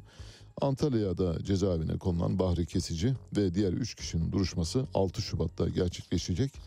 Bahri Kesici 5 Ocak 2021'de Sivil Havacılık Genel Müdürlüğü'nden yaş haddiyle emekli olarak ticari faaliyetlere başlamıştı. Bu ticari faaliyetlerden bir tanesi e, firmanın adını vermeyeyim bir e, pilot yetiştiren özel hava yolu şirketi var. Çok Türkiye'nin en büyüklerinden bir tanesi o da Bahri Kesici'nin şirketi. Demek ki o kadar çok şeye bulaşmış ki en sonunda yakayı ele verdi. Neden yakayı ele verdi? Onucum niye ele vermiş olabilir? Paylaşmadı bravo tamam. İşte noktayı koydu Onur. Paylaşsaydı başına bunlar gelmezdi. Bu yüzden yolsuzluk yapıyorsanız hemen paylaşın. Ama öyle 3-5 değil söylüyorum size herkese yani göz hakkı olan herkes böyle kapıcı, odacı, şoför, e, mihmandar, sekreter, asistan e, aklınıza ne geliyorsa yani etrafınızdaki herkesi doyurmanız lazım. Eğer bir kişiyi doyurmazsanız bakın söylüyorum bir tek kişiyi doyurmazsanız o çıkar. İşte bir tek kişiyi doyurmadığı için başı belaya giren bir isim var. AK Parti Torbalı İlçe Başkanı Selman Günaydın. Video görüntüsü de var arkadaşlarımız paylaşırlarsa. Çok hoş renkli bir video görüntüsü. AK Parti Torbalı İlçe Başkanı kendisi Selman Günaydın ofisinde içki masası kurup dansözlerle alem yaptı. Bu görüntüler ortaya çıktı ve istifa etti dün itibariyle görevini bıraktı. Ancak istifa ederken dedi ki bu bir komplodur bana karşı kurulmuş bir komplo. Şimdi ben komploya bakıyorum. Arkada bir tane adam avaz avaz türkü söylüyor, şarkı söylüyor. İki ya da üç dansöz var. Ben iki tane saydım. Bilmiyorum üç olabilir mi? Çünkü üçüncüsü görüntüye gelmiyor. Birinin eteğini görüyoruz sadece. Üçüncü bir dansöz olabilir. Üç tane dansöz getirmişsin makam odasında oynatıyorsun. Sonra diyorsun ki komplo. Şimdi bu işte biraz önce ne dedik? Eğer çalarken paylaşmazsanız bir yerden çıkar. Birine vermemiş. Birine hakkını vermemiş. O yüzden ortaya çıktı böyle. Bu kulağınıza küpe olsun söylüyorum. Sayın yolsuzluk yapan bizim e, muhteşem e, vatandaşlarımız yolsuzluk yaparken aklınızda tutmanız gereken yegane şey paylaşmak. Paylaşmazsanız yakaya ele verirsiniz. Bugüne kadar yakalanan herkes bu bu bu e, bu karine sebebiyle yakalanmıştır. Öyle söyleyeyim. Doğru kelimeyi bulamadım. O yüzden kusuruma bakmayın. Portekiz'in teknik direktörü Fernando Santos'un görevine dün son verildi. Bildiğiniz gibi Fernando Santos Ronaldo'yu birkaç maçta son iki maçta özellikle yedek kulübesinde tutarak e, başarısızlığın giden yolu kısaltmıştı. Fernando Santos'la ilgili birkaç bilgi vermek istiyorum. Kendisi e, 1954 doğumlu. Kariyerine e, Benfica'da, Benfica'nın altyapısında futbolcu olarak başladı. Teknik direktörlük kariyeri de Estoril takımında başladı. 94'e kadar Estoril'deydi. Estoril Fernando Santos sayesinde iki lig atlayarak aynı e, yani birbirini takip eden yıllar içinde bir yıl birinci lige, e, ikinci lige ondan da birinci lige atlama başarısını gösterdi ve Fernando Santos'un yıldızı parladı. Böylece Premier Lig'e ta alt liglerden getirip bir takımı çıkardı diye o günden sonra üzerinde büyük bir şey var. Böyle bir hale var, bir aziz halesi var, ışık var. Herkes Fernando Santos'un kerameti olduğunu düşünüyor. 98'de Porto'yu çalıştırdı. Arkasından AEK, Yunanistan'ın AEK takımını çalıştırdı. Sonra Panathinaikos'u çalıştırmaya başladı. Arkasından Sporting Lisbon'un takımı, e, takımının başındaydı. Sonra 2006'da Benfica'ya geldi. Tekrar PAOK'a gitti. Arkasından Yunanistan milli takımına çağrıldı ve Yunanistan milli takımını 8 yıl boyunca yönetti. Portekiz milli takımında başarıları var bu arada söyleyelim. Portekiz milli takımına 2016'da Avrupa Futbol Şampiyonası'nı kazandırdı. 2019'da da UEFA Uluslar Ligi kupasını getirdi ama son işte evet yani son hareket önemli. Hani derler ya o son kadeyi içmeyecektin. O son işi yapmayacaktın. Onu yapmamış olsaydı şu anda iyi anılan bir teknik direktör olabilirdi hala. Amerikan Senatosu devlete ait cihazlarda TikTok kullanmayı yasaklayan yasa tasarısını oy birliğiyle kabul etti. Diyeceksiniz ki nedir bu haberin önemi? Çok önemli. Amerika Birleşik Devletleri işi gücü bıraktı TikTok'la uğraşıyor. Donald Trump döneminde bildiğiniz gibi TikTok yasaklanmak istendi, yasaklandı. Amerikan Başkanı Joe Biden göreve geldikten sonra TikTok yasağını kaldıracağını açıkladı. Sonra da yasağı kaldırdı ancak bu arada soruşturma komisyonuna bu TikTok meselesini araştırın diye de ayrıca bir talimat verdi. Şimdi TikTok o kadar büyük bir pastayı kapsıyor ki Amerika Birleşik Devletleri yani YouTube falan onlar onlardan daha çok para kazandıran bir organizmaya dönüştü. O yüzden de TikTok'u nasıl boğacaklarını bilmiyorlar. TikTok nedir derseniz e, Mustafa Sarıgül biliyor. Dolayısıyla bilenleri anlatmıyoruz. Bilmeyenler için söyleyelim. E, Çin'de m, Douyin diye bir e, aparat var. O aparatın bir başka ismi yani batıdaki is- ismi TikTok diye biliniyor. E, Eylül 2016'da ByteDance tarafından piyasaya sürüldü. Müzikal işlevler görüyor, dans işlevleri görüyor, komedi, oyunculuk, dudak senkronizasyonu yaratarak kendi sesinizmiş gibi bir şarkıyı uyarlayabiliyorsunuz. Yani şarkı arka planda çalarken sizin dudak hareketlerinizi ona uyarlayarak o şarkıyı siz söylüyormuş gibi bir efekt yaratıyor. 150 ülkede 1 milyar kullanıcı sayısına ulaşmış durumda şu anda. 1 milyar dünyanın 8'de biri tabii çocukları ve bebekleri saymıyoruz. O zaman aşağı yukarı her 5 kişiden birisi şu anda TikTok kullanıcısı.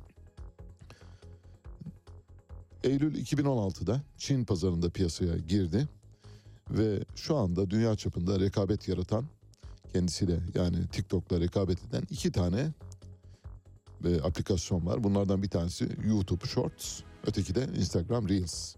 YouTube Shorts ve Instagram Reels'in adlarını ben daha bugün duyuyorum. Yani bugün TikTok meselesini konuşmaya karar verince bir baktım böyle şeyler. Ve eminim siz de muhtemelen yani TikTok'un muadili olan iki tane Amerikan orijinli aplikasyon var. Bunun biri YouTube Shorts, öteki de Instagram Reels. Hiç duymadığımız şey. Demek ki TikTok karşısında yok hükmünde sayılabilir. TikTok, Amerika Birleşik Devletleri, Güneydoğu Asya, Doğu Asya ve Türkiye ve Rusya'da çok büyük bir penetrasyon hızına sahip. En yüksek penetrasyonlardan bir tanesi de Türkiye'de. Dünya çapında 2.2 milyar kişi download etti TikTok'u şu ana kadar. Bazıları aktif e, kullanıcı, bazıları öylesine bulunan biliyorsunuz cep telefonumuzda da yüzlerce aplikasyon vardır. Bunlardan 5'ini 6'sını düzenli kullanırız ama diğerlerinin varlığından bile haberdar olmayı çok nadir hallerde böyle bir şey var mı diye baktığınızda evet varmış diye kullanabiliyorsunuz öyle. Bunu da öyle değerlendirmek lazım. TikTok'u Zoom ve Peacock'tan sonra en hızlı büyüyen üçüncü marka olarak seçti Morning Consultant.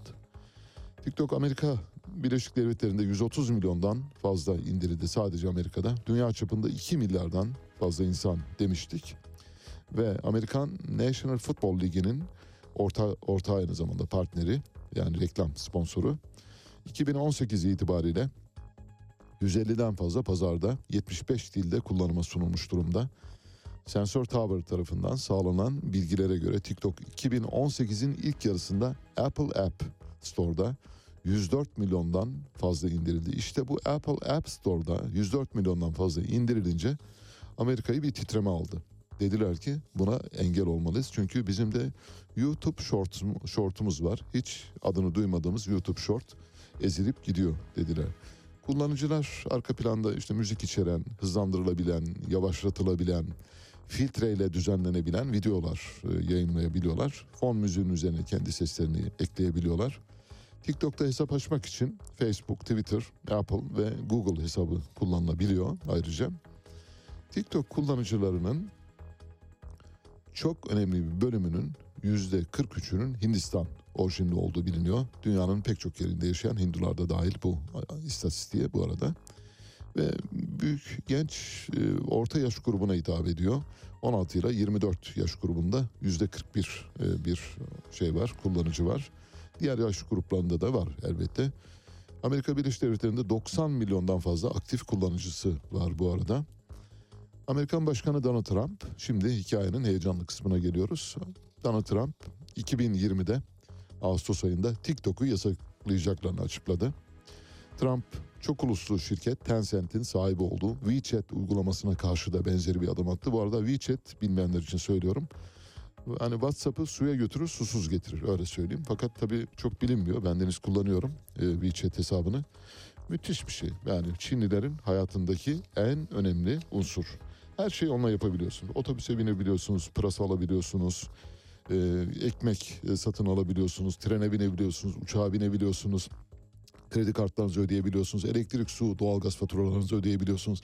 Aklınıza gelebilecek her şeyi sadece WeChat hesabı üzerinden yapabiliyorsunuz. WhatsApp henüz görüntülü haberleşme yapmazken, henüz daha görüntülü haberleşmeye geçmeden önce WeChat şakır şakır görüntülü haberleşme yapıyordu. Ve WhatsApp daha grup hesapları kurmadan yani birden çok kişinin aynı grupta bulunup görüntülü ya da sesli e, konferans e, yapmaya başlamasından önce WhatsApp'ın yıllar önce WeChat bunu yapıyordu. Dolayısıyla o kadar az biliniyor ki burada ama uzak doğuda büyük bir egemenliği var onu söyleyelim. Dolayısıyla Amerika bu durumdan çok kaygılı. Hem e, TikTok'un hem e, WeChat'in büyük bir yaygınlık kazanması Amerika'yı kaygılara sev- sevk etmiş durumda. Joe Biden göreve gelince bu TikTok yasağını kaldıracağım dedi. Nitekim kaldırdı. Bir emir imzaladı ama hemen arka taraftan, arka kapıdan Ticaret Bakanı'na bunu da araştırın dedi. Şimdi o araştırma sonuçlandı. İşte bu çerçevede de TikTok'un yasaklanması ile ilgili süreç başladı.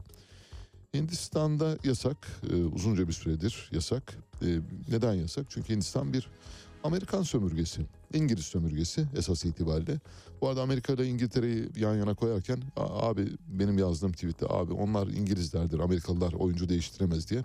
Amerika ile İngiltere birlikte hareket ederler. Merak etmeyin onlar birbirlerinin ayağına basmazlar. Amerika dediğim zaman İngiltere anlayın. İngiltere dediğim zaman Amerika. Londra dediğim zaman Washington. Washington dediğim zaman Londra anlayın. Bu, bu yani bu izahatı verme gereğini duydum. Endonezya ve Bangladeş'te yasak. Pakistan'da yasak. Fakat yasaklayarak bir yere varılamayacağı ortada. Şu anda TikTok şu dillerde yayın yapıyor bakınız. Yani bir e, mesela WhatsApp'ın, Google'ın İngilizce dışındaki dillerde yayın yapmaları çok yenidir. Yani şu son çeyrek yüzyıla sığar o kadar. Ancak TikTok ve WeChat birden çok dilde yayın yapmaya yıllar önce başlamışlardı. Çok hızlı gidiyorlar. Mesela TikTok hangi dillerde yayınlanıyor derseniz Arapça, Bengalce, Birmanca, İngilizce, Fransızca, Almanca, Gujaratça, Hintçe, Endonezya, İtalyanca, Japonca, Java diliyle yapıyor ayrıca. Korece, Malay dilinde, Oriya dilinde, Lehçe'de, Portekizce'de, Urduca'da, Rusça, Çince, her iki Çince, Mandarin ve Kanton Çincesiyle de yapıyor. İspanyolca, İsveççe, Tamilce, Tayca, Çin, diğer Çince, Türkçe, Ukraynaca ve Vietnamca yayınlar yapıyor. Demek ki dünyanın birçok dillerinde yayın yapabilen ve durdurulamaz bir güç haline gelmiş. Evet, hazırsanız şimdi bir dosyanın kapağını aralayacağız. Bu dosyayı 3 gün önce söz verdik. Bugüne ancak oldu. Haftanın son günü e, yayınlama şansımız olacak. Dosya şu. İçinde Ethem Sancak, Fuat Tosyalı, BMC ve Varlık Fonu geçiyor ve dahi diğerleri geçiyor. Neden dosyayı hazırlamaya karar verdik? Şunun için Ethem Sancak Vatan Partisi Genel Başkan Yardımcısı oldu. Ethem Sancak'la Doğu Perinçek'in arkadaşlıkları çok eski. Eski Mao'cu gelenekten gelen eski e, tüfek solculardan bildiğiniz gibi. Nuri Çolakoğlu, Cengiz Çandar gibi pek çok isim var. Oral Çalışlar gibi pek çok isim. Doğu Perinçek ve arkadaşları grubunun bir üyesidir. Yani aydınlık geleneğinin bir parçası. Şimdi Ethem Sancak partiye gelince şöylesi ilişkileri bir sorgulayalım dedik. Mesela Ethem Sancak gel- gelince hemen aklınıza Fuat Tosyalı geliyor. Fuat Tosyalı Türkiye'nin en büyük çelik üreticilerinden bir tanesi. Yurt dışında pek çok ülkede, Cezayir'de ve pek çok yerde yatırımları var kendisinin. Fuat Tosyalı'nın varlık fonundaki BOTAŞ'a 34 milyon liralık boru sattı. Ayrıca fona bağlı şirketlerden de şimdiye kadar 860 milyon liralık ihale aldığı ortaya çıktı. Fuat Tosyalı'yı nereden hatırlıyoruz? BMC'nin satışından hatırlıyoruz. BMC kime aitti? Ethem Sancak'a aitti. Şimdi bakın ne kadar dar bir çevrede dönüyor. Yani Türkiye'nin en büyük kamyon ve ağır vasıta üreticisi olan BMC böyle dönüp dolaşıp Kara Mehmet'ten bu tarafa doğru geldiğimizde aynı isimlerin etrafında geçiyor. Tosyalı Holding kurucusu Fuat Tosyalı şu anda görevde oğullarından biri var. Şerif Tosyalı yönetiyor. Kurucusu kimliğiyle oğullarından biri aynı zamanda başında bulunuyor. Holding İskenderun'da kuruldu ve Tosyalı Metal Ticaret diye soba borusu üretiyordu kurulduğunda. Ve 2012 yılında çok büyüdü, hızlı büyüdü. 2000'li yıllardan itibaren büyümesini hızlandırdı. Japonya'nın önemli çelik üreticilerinden biri olan Toyo Kohan'la anlaşma imzaladı ve Tosyalı Toyo çelik şirketini kurdular. O tarihten sonra çok büyüdüler. 2021 Haziran ayında kamyon, otobüs, askeri araç üreticisi olan BMC'nin Ethem Sancak ve Öztürk ailesinden %50 hissesini satın aldı. Bu arada Ethem Sancak'ın BMC'yi Fuat Tosyalı'ya satarken büyük kar ettiğini açıklamıştık hatırlarsanız. Neredeyse aldığı fiyatın iki katına yakın fiyatla yüzde ellisini satmıştı. Bir kez daha söylüyorum. Aldığı fiyatın iki katına yakın fiyatla şirketin yüzde ellisini kime sattı? Tosyalı'ya sattı. Tosyalı Holding şu anda Katar'la ortak e, yönetiyor BMC'yi. E, Yüzde 50'si 50.1'i Tosyalı Holding'e ait 49.9'u da Katar'a ait. Peki BMC nedir? Hani İbrahim Tatlıses'in reklamları vardı ya bence BMC.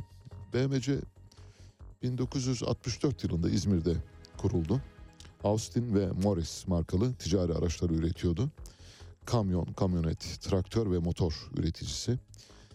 Başlangıçta %74'tü yerli sermaye oranı. Sonra %100 yerli sermayeye tamamlandı. Motorlu araçların yanı sıra endüstriyel motorlar, jeneratörler, deniz motorları, askeri amaçlı ürünler üretiyor. Kirpi ve benzerlerini üretiyor bildiğiniz gibi. BMC Türkiye'nin ilk turbo motorlu ticari araçları olan Yavuz serisini üretti. Arkasından Fatih çıkardı. Yavuz ve Fatih'in reklamlarında da İbrahim Tatlıses oynamıştı. 1989 yılında şirketin bütün hisseleri Çukurova Holding tarafından satın alındı. Mehmet Emin Kara Mehmet tarafından. Ve Çukurova Holding çok akıllıca bir iş yaptı. 1990 yılında ünlü İtalyan tasarımcısı Pininfarina ile işbirliği imzaladı. Pininfarina TOG'un tasarımında da görev alan şirketlerden bir tanesi. Hani araba İtalyan mı değil mi tartışmaları bu yüzden çıkıyor. 120 milyon Amerikan dolarını aşan yatırım sonunda 1999 Haziran ayında BMC'ye ait olan profesyoneli satışa sundular. Profesyonel diye bir kamyon çıkardılar. Müthiş. Tank gibi bir şey çıkardı. BMC 2.8 tondan 40 tona kadar yük taşımacılığı ve yolcu taşımacılığı yapan araçları üreten dünyanın dört fabrikasından biri. Nasıl? Şimdi bakın ne kadar önemli stratejik bir fabrikadan bahsediyoruz. 2.8 tondan 40 tona kadar kapasiteli ağırlık ağırlıktan bahsediyoruz. Kapasiteli araçları üreten dünyadaki dört üreticiden biri. Bir tanesi Volvo. Bir de Belarus'un böyle bir şirketi var. Dördüncüyü bilmiyorum. Allah var şimdi yalan söylemeyelim ama üçünü biliyorum. Ve Türkiye'nin de tek bu konudaki tartışmasız tek üreticisi. Mehmet Emin Kara Mehmet, Cavit Çağlar'la Interbank ilişkileri nedeniyle 440 milyon lira bir borç takmıştı devlete. Ve bu borcun 75 milyon doları ödenmeyince bir gün TMSF gelip Mehmet Emin Kara Mehmet'in bütün mal varlığına el koydu. Sky Türk, Show TV, Akşam Gazetesi, BMC, sağdan sola Dijitürk aklınıza ne geliyorsa hepsine el koydular ve Mehmet Emin Kara Mehmet'i çırak çıkardılar. BMC 30 Nisan 2014'te TMSF tarafından yapılan ihalede tek teklifi veren, buraya dikkat edin lütfen, tek. Yani başka talipli çıkmamış. Kötü bir şirket çünkü. Yani kimse almak istemiyor. Hani alıp da ne yapacağım kardeşim yani böyle bir şirketi. Dünyada dört. Dünyada dört olan şirketten bahsediyoruz. İhaleye tek giriyor. Bakın dünyada dört, ihaleye tek. Yani oradaki kumpası anlatmak için söylüyorum. Ve Ethem Sancak 751 milyon liraya BMC'yi satın aldı. Arkasından Ticaret Sicili gazetesinde Ethem Sancak ve Öztürk ailesine ait 50.1'lik hisse bir gün Fuat Tosyalı'ya satıldı. Biraz önce söylediğim rakamlarla ve Katar Şeyhi El Temim bir gün Türkiye'ye geldi. Cumhurbaşkanı Erdoğan'a dedi ki senin adam bizi soyuyor dedi. Kim dedi? Bizim adam kim? Sizin bir adam var ya dedi hani bize ortak yaptınız dedi BMC'de. Ha o. Nasıl soyuyor dedi. Tabii bir dolaylama yaparak anlatıyorum. Mesela dedi domates alıyoruz değil mi dışarıdan? Domates dışarıda 1 lira. Ethem Sancak'ın şirketi üzerinden gelince 5 lira. Gibi domatesi bir şey olarak veriyorum örnek olarak. Yani yedek parça alıyorsunuz işte dışarıda 1 lira. Ethem Sancak'ın şirketleri üzerinden gelince 15 lira oluyor 10 lira oluyor neyse miktarı bilmiyorum ama böylesi abartılı fiyatlarla. Dolayısıyla bizi bu ortaklıktan kurtarın dedi. Bunun üzerine Cumhurbaşkanı telefonu kaldırıyor çat. Ethem buraya gel diyor. Ethem gidiyor. Ethem Sancak gidiyor. Diyor ki ceketini al ve çık. İşte ceketini al ve çıktan sonra Ethem Sancak'ın bileti kesildi. O günden sonra Ethem Sancak şimdi eski kulvarına doğru dönmek istedi. Döndü şu anda. Eğer Doğu Perinçek'le yan yana hareket etmemiş olsaydı ayakkabısına kadar alacaklardı. Söylüyorum. Ethem Sancak'ı tanımak ister misiniz? Kendisi Siirt doğumlu Emine Erdoğan'a yakın. Yani Emine Erdoğan ve ailesine yakın olan bir iş insanı aynı zamanda. Yüksek öğrenimi yok. İşletme fakültesine kaydoldu ama bitiremedi. Orta öğrenimini Siirt'te tamamladı. Bir dönem gazetecilik yaptı 76-78 arasında. 1987 yılında Es Ecza Deposu'nu kurdu. Arkasından Hedef Ecza Deposu'nu kurdu. Hedef Ecza şu anda Türkiye'nin en büyük ilaç dağıtım şirketlerinden bir tanesi. Ecza koplardan bir tanesi. Ne kadar olduğunu bilmiyorum ama pazarda çok büyük bir payı olduğunu biliyorum. Ve e, Ethem Sancak işte biraz önce bahsettiğim gibi BMC'yi satın aldı. Arkasında BMC'yi El Temim'in şikayeti sonrasında Tosyalı'ya satmak zorunda kaldı ve çıktı. E, 1999'da başladı yolculuğu. 2007'de Star Gazetesi'ni satın almakla devam etti. Star Gazetesi'nin Kıbrıslı iş adamı Ali Özmen Safa ile birlikte satın aldı. Sonra hisselerini sattı çıktı. Çukurova grubuna ait gazete ve televizyon kanallarını aldı. Sky Türk tabi TMSF'den alıyor bunları biliyorsunuz. Çok sayıda dergi ve radyo kanalında sahip oldu. Şimdi Ethem Sancak'la ilgili en vurucu bölüme geldik hazırsanız. Nasıl bilirsiniz Ethem Sancak? Bilmiyorum. Ee, sence nasıl? Yani mesela laik, demokrat değil mi? Öyle bir iş insanı. Öyle mi görünüyor? Değil. Sen, sen de her şeyden kuşkulanıyorsun ya arkadaş. Seninle işimiz var. Ya bir de bir de bir olumlu bak yani bir de güzel taraf bardağın dolu tarafından mı? Bu bardağın dolu tarafı hikayesi de çok yani müthiş e, sahtekarca ve müthiş riyakarca bir şeydir. Hep böyle bir şey olur. Abi bardağın dolu tarafından bak. Ya bardağın dolu tarafı yok. Bardak boş yani. Bardağın dibinde bir bir bir parmak su var. Şimdi dolu tarafına nereden bakacağım? Dibine mi bakacağım? Şimdi bakalım. Erkam Tufan Aytaf. Erkam Tufan Aytaf Fethullah Gülen'in has adamlarından biriydi. Gazeteciler ve Yazarlar Vakfı'nın da uzunca bir dönem genel sekreterini yaptı. 2013'te bir kitap çıkardı. Bu kitapta Aydınlıktan Kaçanlar adında bir bölüm var. O bölümde şöyle yazıyor Ethem Sancak'la ilgili. Lütfen dikkatle dinleyiniz. Şimdi Ethem Sancak size gerçek kimliğiyle anlatmaya çalışıyoruz. Fethullah Gülen Hoca Efendi'yi Amerika'da ziyarete gittim diyor Ethem Sancak. Kitapta anlatıyor. Erkam Tufan Aytap'a konuşmuş. Çok saygınlık uyandırdı bende Hoca Efendi. Biz Hoca Efendi'nin dediği gibiydik. Herkes bir değildi ama gerçekten bazılarımız öyleydi. Başında Hoca Efendi'nin bulunduğu hareketi ahlaklı Müslüman bireyi inşa etmek ve bunu bütün dünyaya yaymak ve örnekler oluşturarak insanlığı sürece çekmek noktasında fikri ve içti, içtimai bir topluluk inşa ettik. Kendimi bu harekete ait görüyorum diyor. Ne demek istiyor? Sizden biriyim diyor. Beni kabul edin. Ben sizden biriyim. Yani Fethullah Gülen örgütünün ya da Fethullah Gülen cemaatinin bağlısıyım ben. Ona kalben bağlıyım demek istiyor. Ethem Sancak 15 Mayıs 2015'te bir televizyon programına katıldı. Şimdi bakın aşamalarını görüyoruz. Fethullah Gülen'e biat etti mi? Etti. Geliyor Recep Tayyip Erdoğan'a biatına. Diyor ki doğrusu solculuk dönemimde Mevlana ile Şems arasındaki aşka anlam veremiyordum. Tanıdıktan sonra gördüm ki böyle bir ilahi aşk iki erkek arasında da olabiliyor. Dürüstlüğünü, yiğitliğini gördükçe aşık oldum. Kime?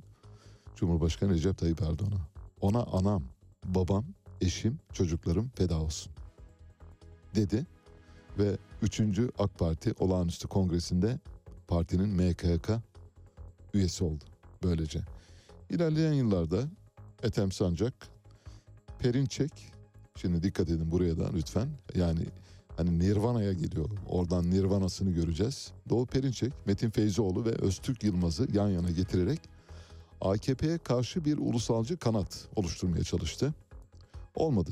Metin Feyzioğlu'nun nerede olduğunu biliyoruz. Öztürk Yılmaz'ı hepimiz tanıyoruz. Dolayısıyla üzerinde çok fazla laf söylemeye gerek yok. 2022 yılında Marmara Üniversitesi'nde hukuk fakültesinde düzenlenen bir oturuma katıldı. İşte burada bileti kesildi bu oturumda. Şöyle dedi. Türkiye'nin güvenliği başlıklı NATO ve Türkiye'nin güvenliği başlıklı bir oturumdu. Şöyle dedi. Bu millet Tayyip Erdoğan'ı seçti. Tayyip Erdoğan Büyük Orta Doğu Projesi'nin eş başkanıydı. Aslında Amerika'nın desteğiyle geldik iktidara dedi. Konu basına yansıdı.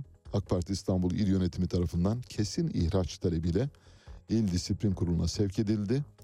İhraç edildi. Ertesi gün konuşmanın ses kaydı ortaya çıktı ve istifa etmesini gerektirecek bir durum ortaya çıkınca artık tamam dedi pes ve ben burada bırakıyorum dedi. Demek ki Fethullah Gülen'e biat ediyorsunuz. Fethullah Gülen'e biat ediyorsunuz yetmiyor. Ee, Recep Tayyip Erdoğan'a biat ediyorsunuz yetmiyor. Sonra dönüyorsunuz diyorsunuz ki bizi iktidara getiren Amerika'ydı. Şimdi Amerika'ya yönelik saldırı moduna geçerek aslında ne ne yapmak istiyorsunuz? Kendinizi kanıtlamak istiyorsunuz. İşte buradaki o savunduğu tez o aslında. Biz Amerika'nın sayesinde iktidara geldik diyor. Şimdi benim tweetimi yani Kim Kardashian tweetiyle yarışan tweetimin ne kadar yerinde olduğunu en başından beri şu bir buçuk iki saatlik konuşma sırasında herhalde daha iyi anlatabilmişimdir. Evet, e, bugünkü siyasal iktidar Amerika Birleşik Devletleri tarafından yol verilmiş ve kaldırım taşları ve yol e, e, paket taşları Amerika Birleşik Devletleri tarafından dizilmiştir. Artık Amerika Birleşik Devletleri böyle mızıkçılık eden, e, bir söylediğini e, ertesi gün unutan, bugün söylediğini ertesi gün hayır öyle demedim. Bugün olmayan e, taahhütleri yarın e, isteyen ya da bugün olmayan durumdan yarın bahseden bir şey istemiyor. Bu yüzden de Ekrem İmamoğlu'na oynuyor Amerika Birleşik Devletleri.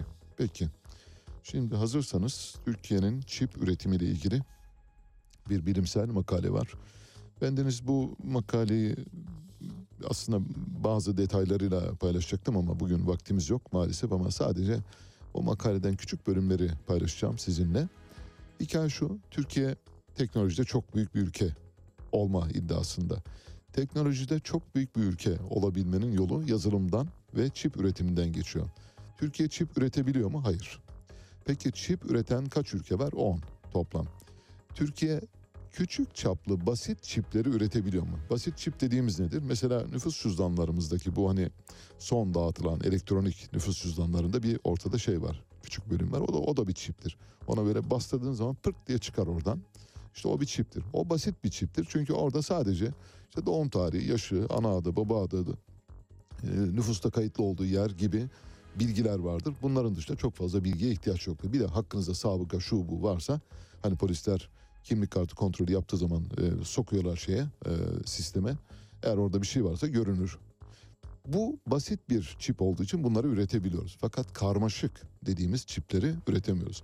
Karmaşık çipleri üretebilmemiz için bizim epey bir ekmek yememiz lazım. Türkiye'nin böyle yerli otomobil, yerli uçak, yerli otomobil, yerli tank, yerli helikopter falan gibi şeylerle uğraşacağına öncelikle onlarla da uğraşması gerekiyor ayrı.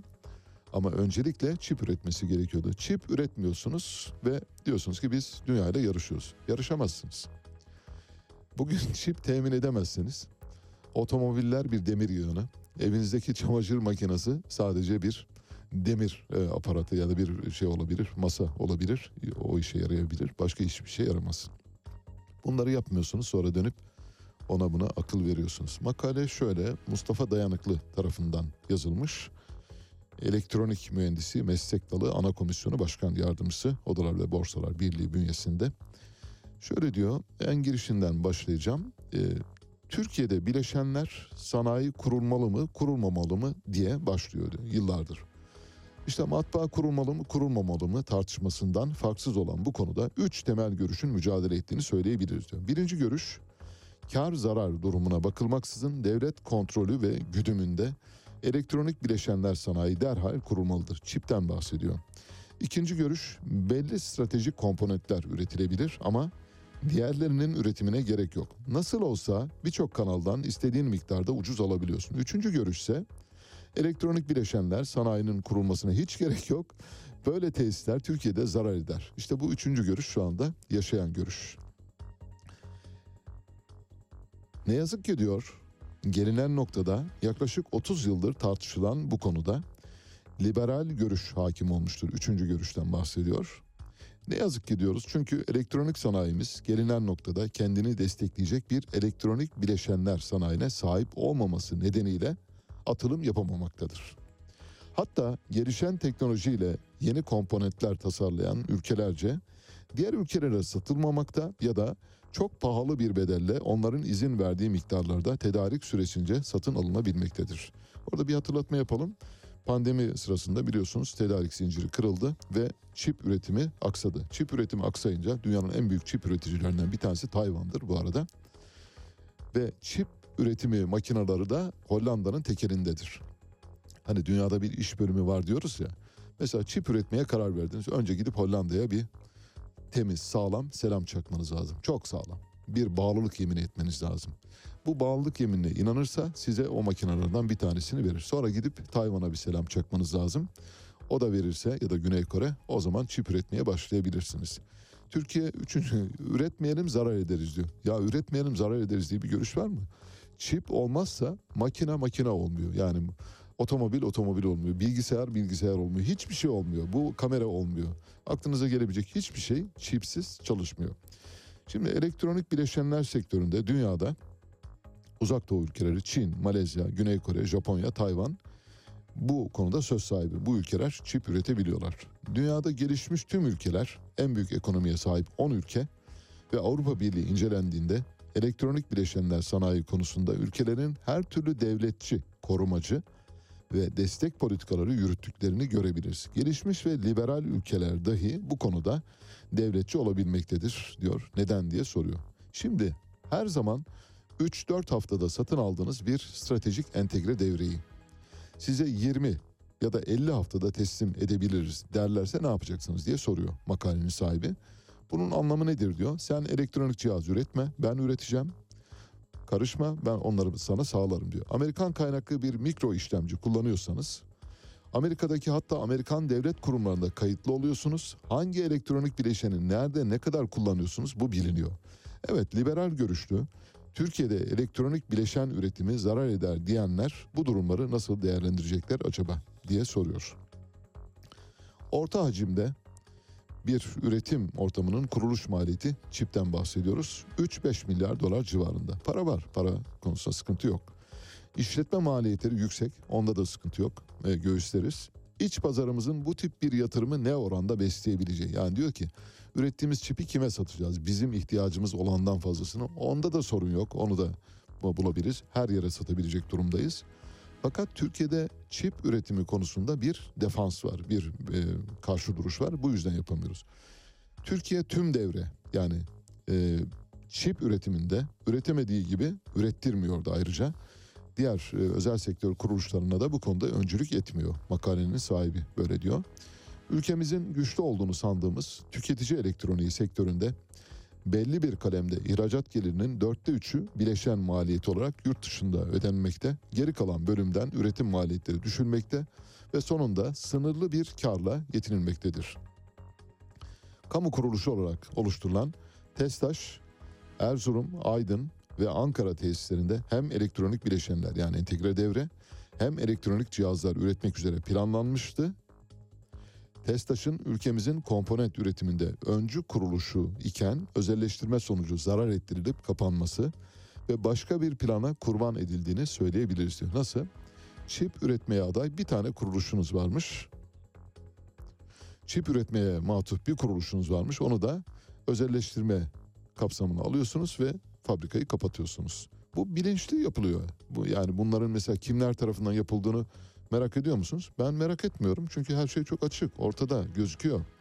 Çip üretimi gereksizdir. Çip üretirsek zarar ederiz. Çip üretimi yaparsak bunu satabilecek durumda mıyız gibi böyle saçma çocukların bile sormayacağı soruları sorarak çip üretimi yapmayan bir ülkeye dönüştürdüler bizi.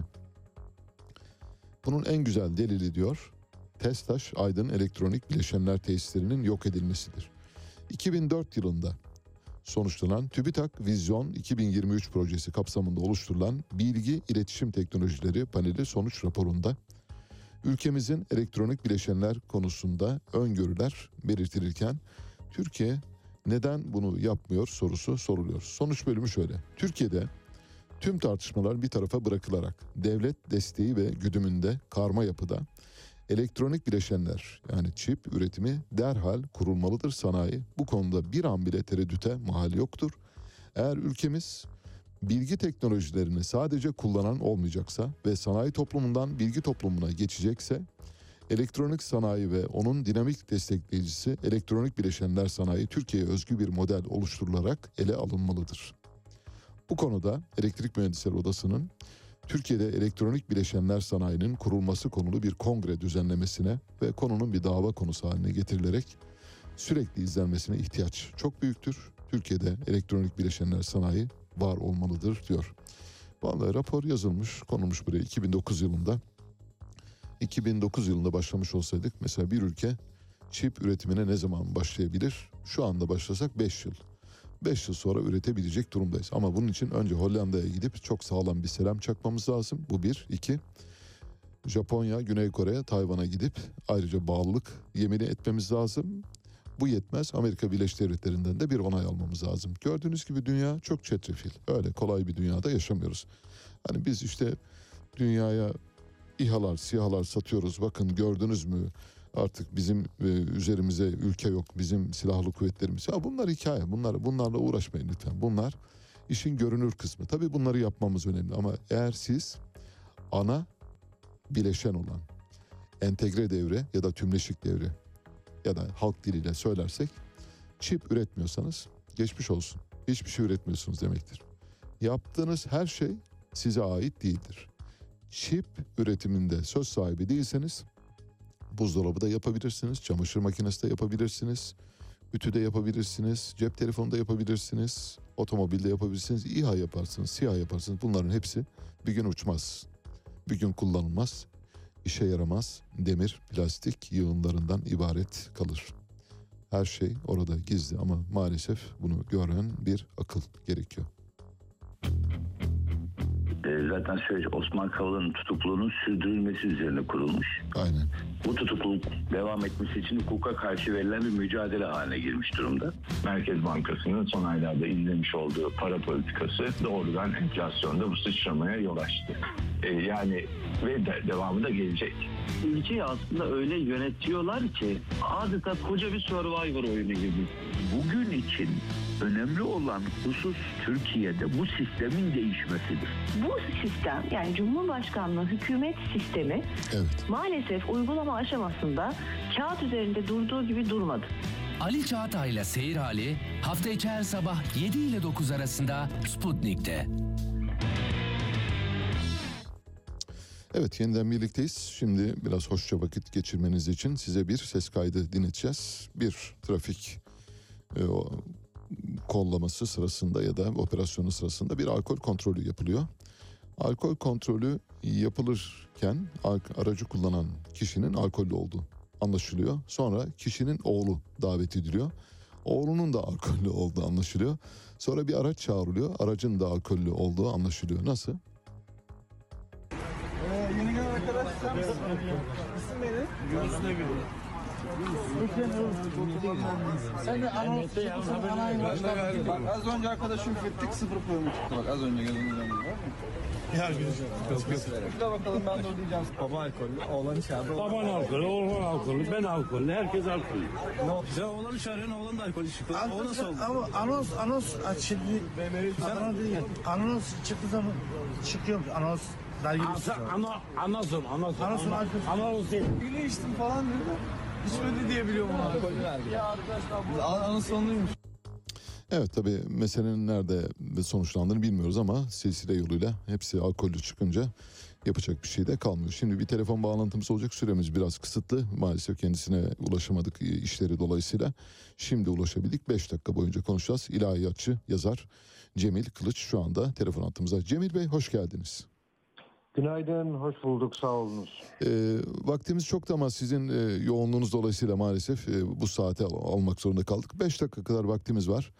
E, önce geçmiş olsun diyelim. Yani geçmiş olsun demek gerekir mi gerekmez mi o da ayrı bir sorun ama belki böylesi çok daha iyi olacaktır sizin için e, bu bakımdan. Bize başınıza gelenleri bir 5 dakika içinde özetlerseniz e, sevinirim. Ne oldu ne bitti? Evet, teşekkür ediyorum. Tekrar 23 yıllık eğitimciyim ben. Aynı zamanda Eğitim İş Sendikası'nın örgütlenmelerinde yer aldım, yönetim kurullarında yer aldım. Yani sendikacıyım aynı zamanda, sendika yöneticisiyim. Sendika yöneticisi olmaktan kaynaklanan, sendikalar yasasının verdiği bir takım hakları kullandım. Açıklamalar ver, yaptım, demeçler verdim, çeşitli çalışmalar yaptım. Ee, 16 tane yayımlanmış kitabım var, yüzlerce makalem var, konferanslarım, panellerim var. Ve fakat e, bu yaptığım çalışmalarda dile getirdiğim kimi görüşler bir takım tarikatları rahatsız ettim ve bu rahatsızlıkların sonucunda aleyhimde bir kampanya başlattılar ve Milli Eğitim Bakanlığı da tarikatların yönlendirmesiyle benim görevime son verdi. Kısaca özetle bu şekilde ifade edebiliriz. Elbette ki e, Milli Eğitim Bakanlığı'nın ileri sürdüğü gerekçeler herhangi bir hukuki zemine sahip değil. Benim e, tarafsızlık, devlet memurlarının tarafsızlık ilkesini ihlal ettiğini ileri sürüyorlar. Efendim Cumhurbaşkanı'nın itibarını sarstığımı bir takım yazılarımla efendim ve siyaset yaptığımı ileri sürüyorlar.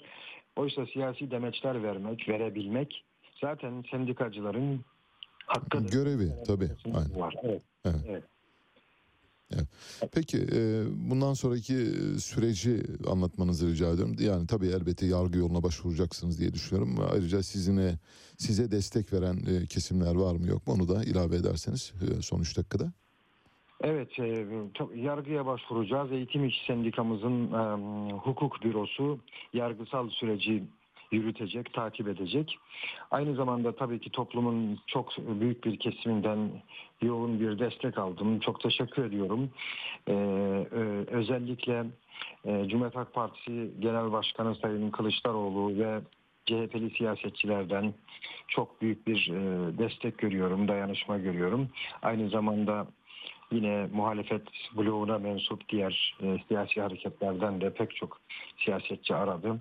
Efendim akademi dünyasından, ilahiyat fakültelerinden hocalardan pek çok kişi aradı. Hatta ilahiyat e, dekanı olan e, isim veremiyorum kendisi istemediği için de, dekan düzeyinde bile arayıp üzüntülerini dile getirdiler. Efendim herhangi bir yardıma ihtiyacım olup olmadığına ilişkin görüşlerini dile getirdiler. Herkese çok teşekkür ediyorum. Duyarlılık gösteren herkese çok teşekkür ediyorum. Bu haksız uygulamanın yargıdan döneceğini umuyorum. Türk yargısının hukuka uygun bir karar vereceğini umuyorum. Tabii Türk yargısı eğer böyle bir karar vermezse bunu biz ta Avrupa İnsan Hakları Mahkemesi'ne kadar elbette taşıyacağız. Çok teşekkür ediyorum. Evet, peki. Çok teşekkürler e, Cemil Bey katıldığınız için. İlahiyatçı, eğitimci Cemil Kılıç'la konuştuk bildiğiniz gibi tarikatların baskısıyla görevden alınmıştı ve şimdi yargı yoluna başvurarak haklarını geri almaya çalışıyor. Ee, biz de bu konuda kendisiyle dayanışma içinde olacağımızı bildirmiş olalım. Bitirdik. Haftanın ve günün sonuna geldik. Bu programı kumanda masasında Onurer, editör masasında Doruk Kurgancı ile birlikte gerçekleştiriyoruz. Birazdan Mehtap Yenidoğan saat başı haberlerle karşınızda olacak. Size bugün Tony Braxton'dan parçalar seçtik o olağanüstü buğulu kontralto sesiyle size sesleniyor. Hepinize çok güzel bir hafta sonu diliyorum.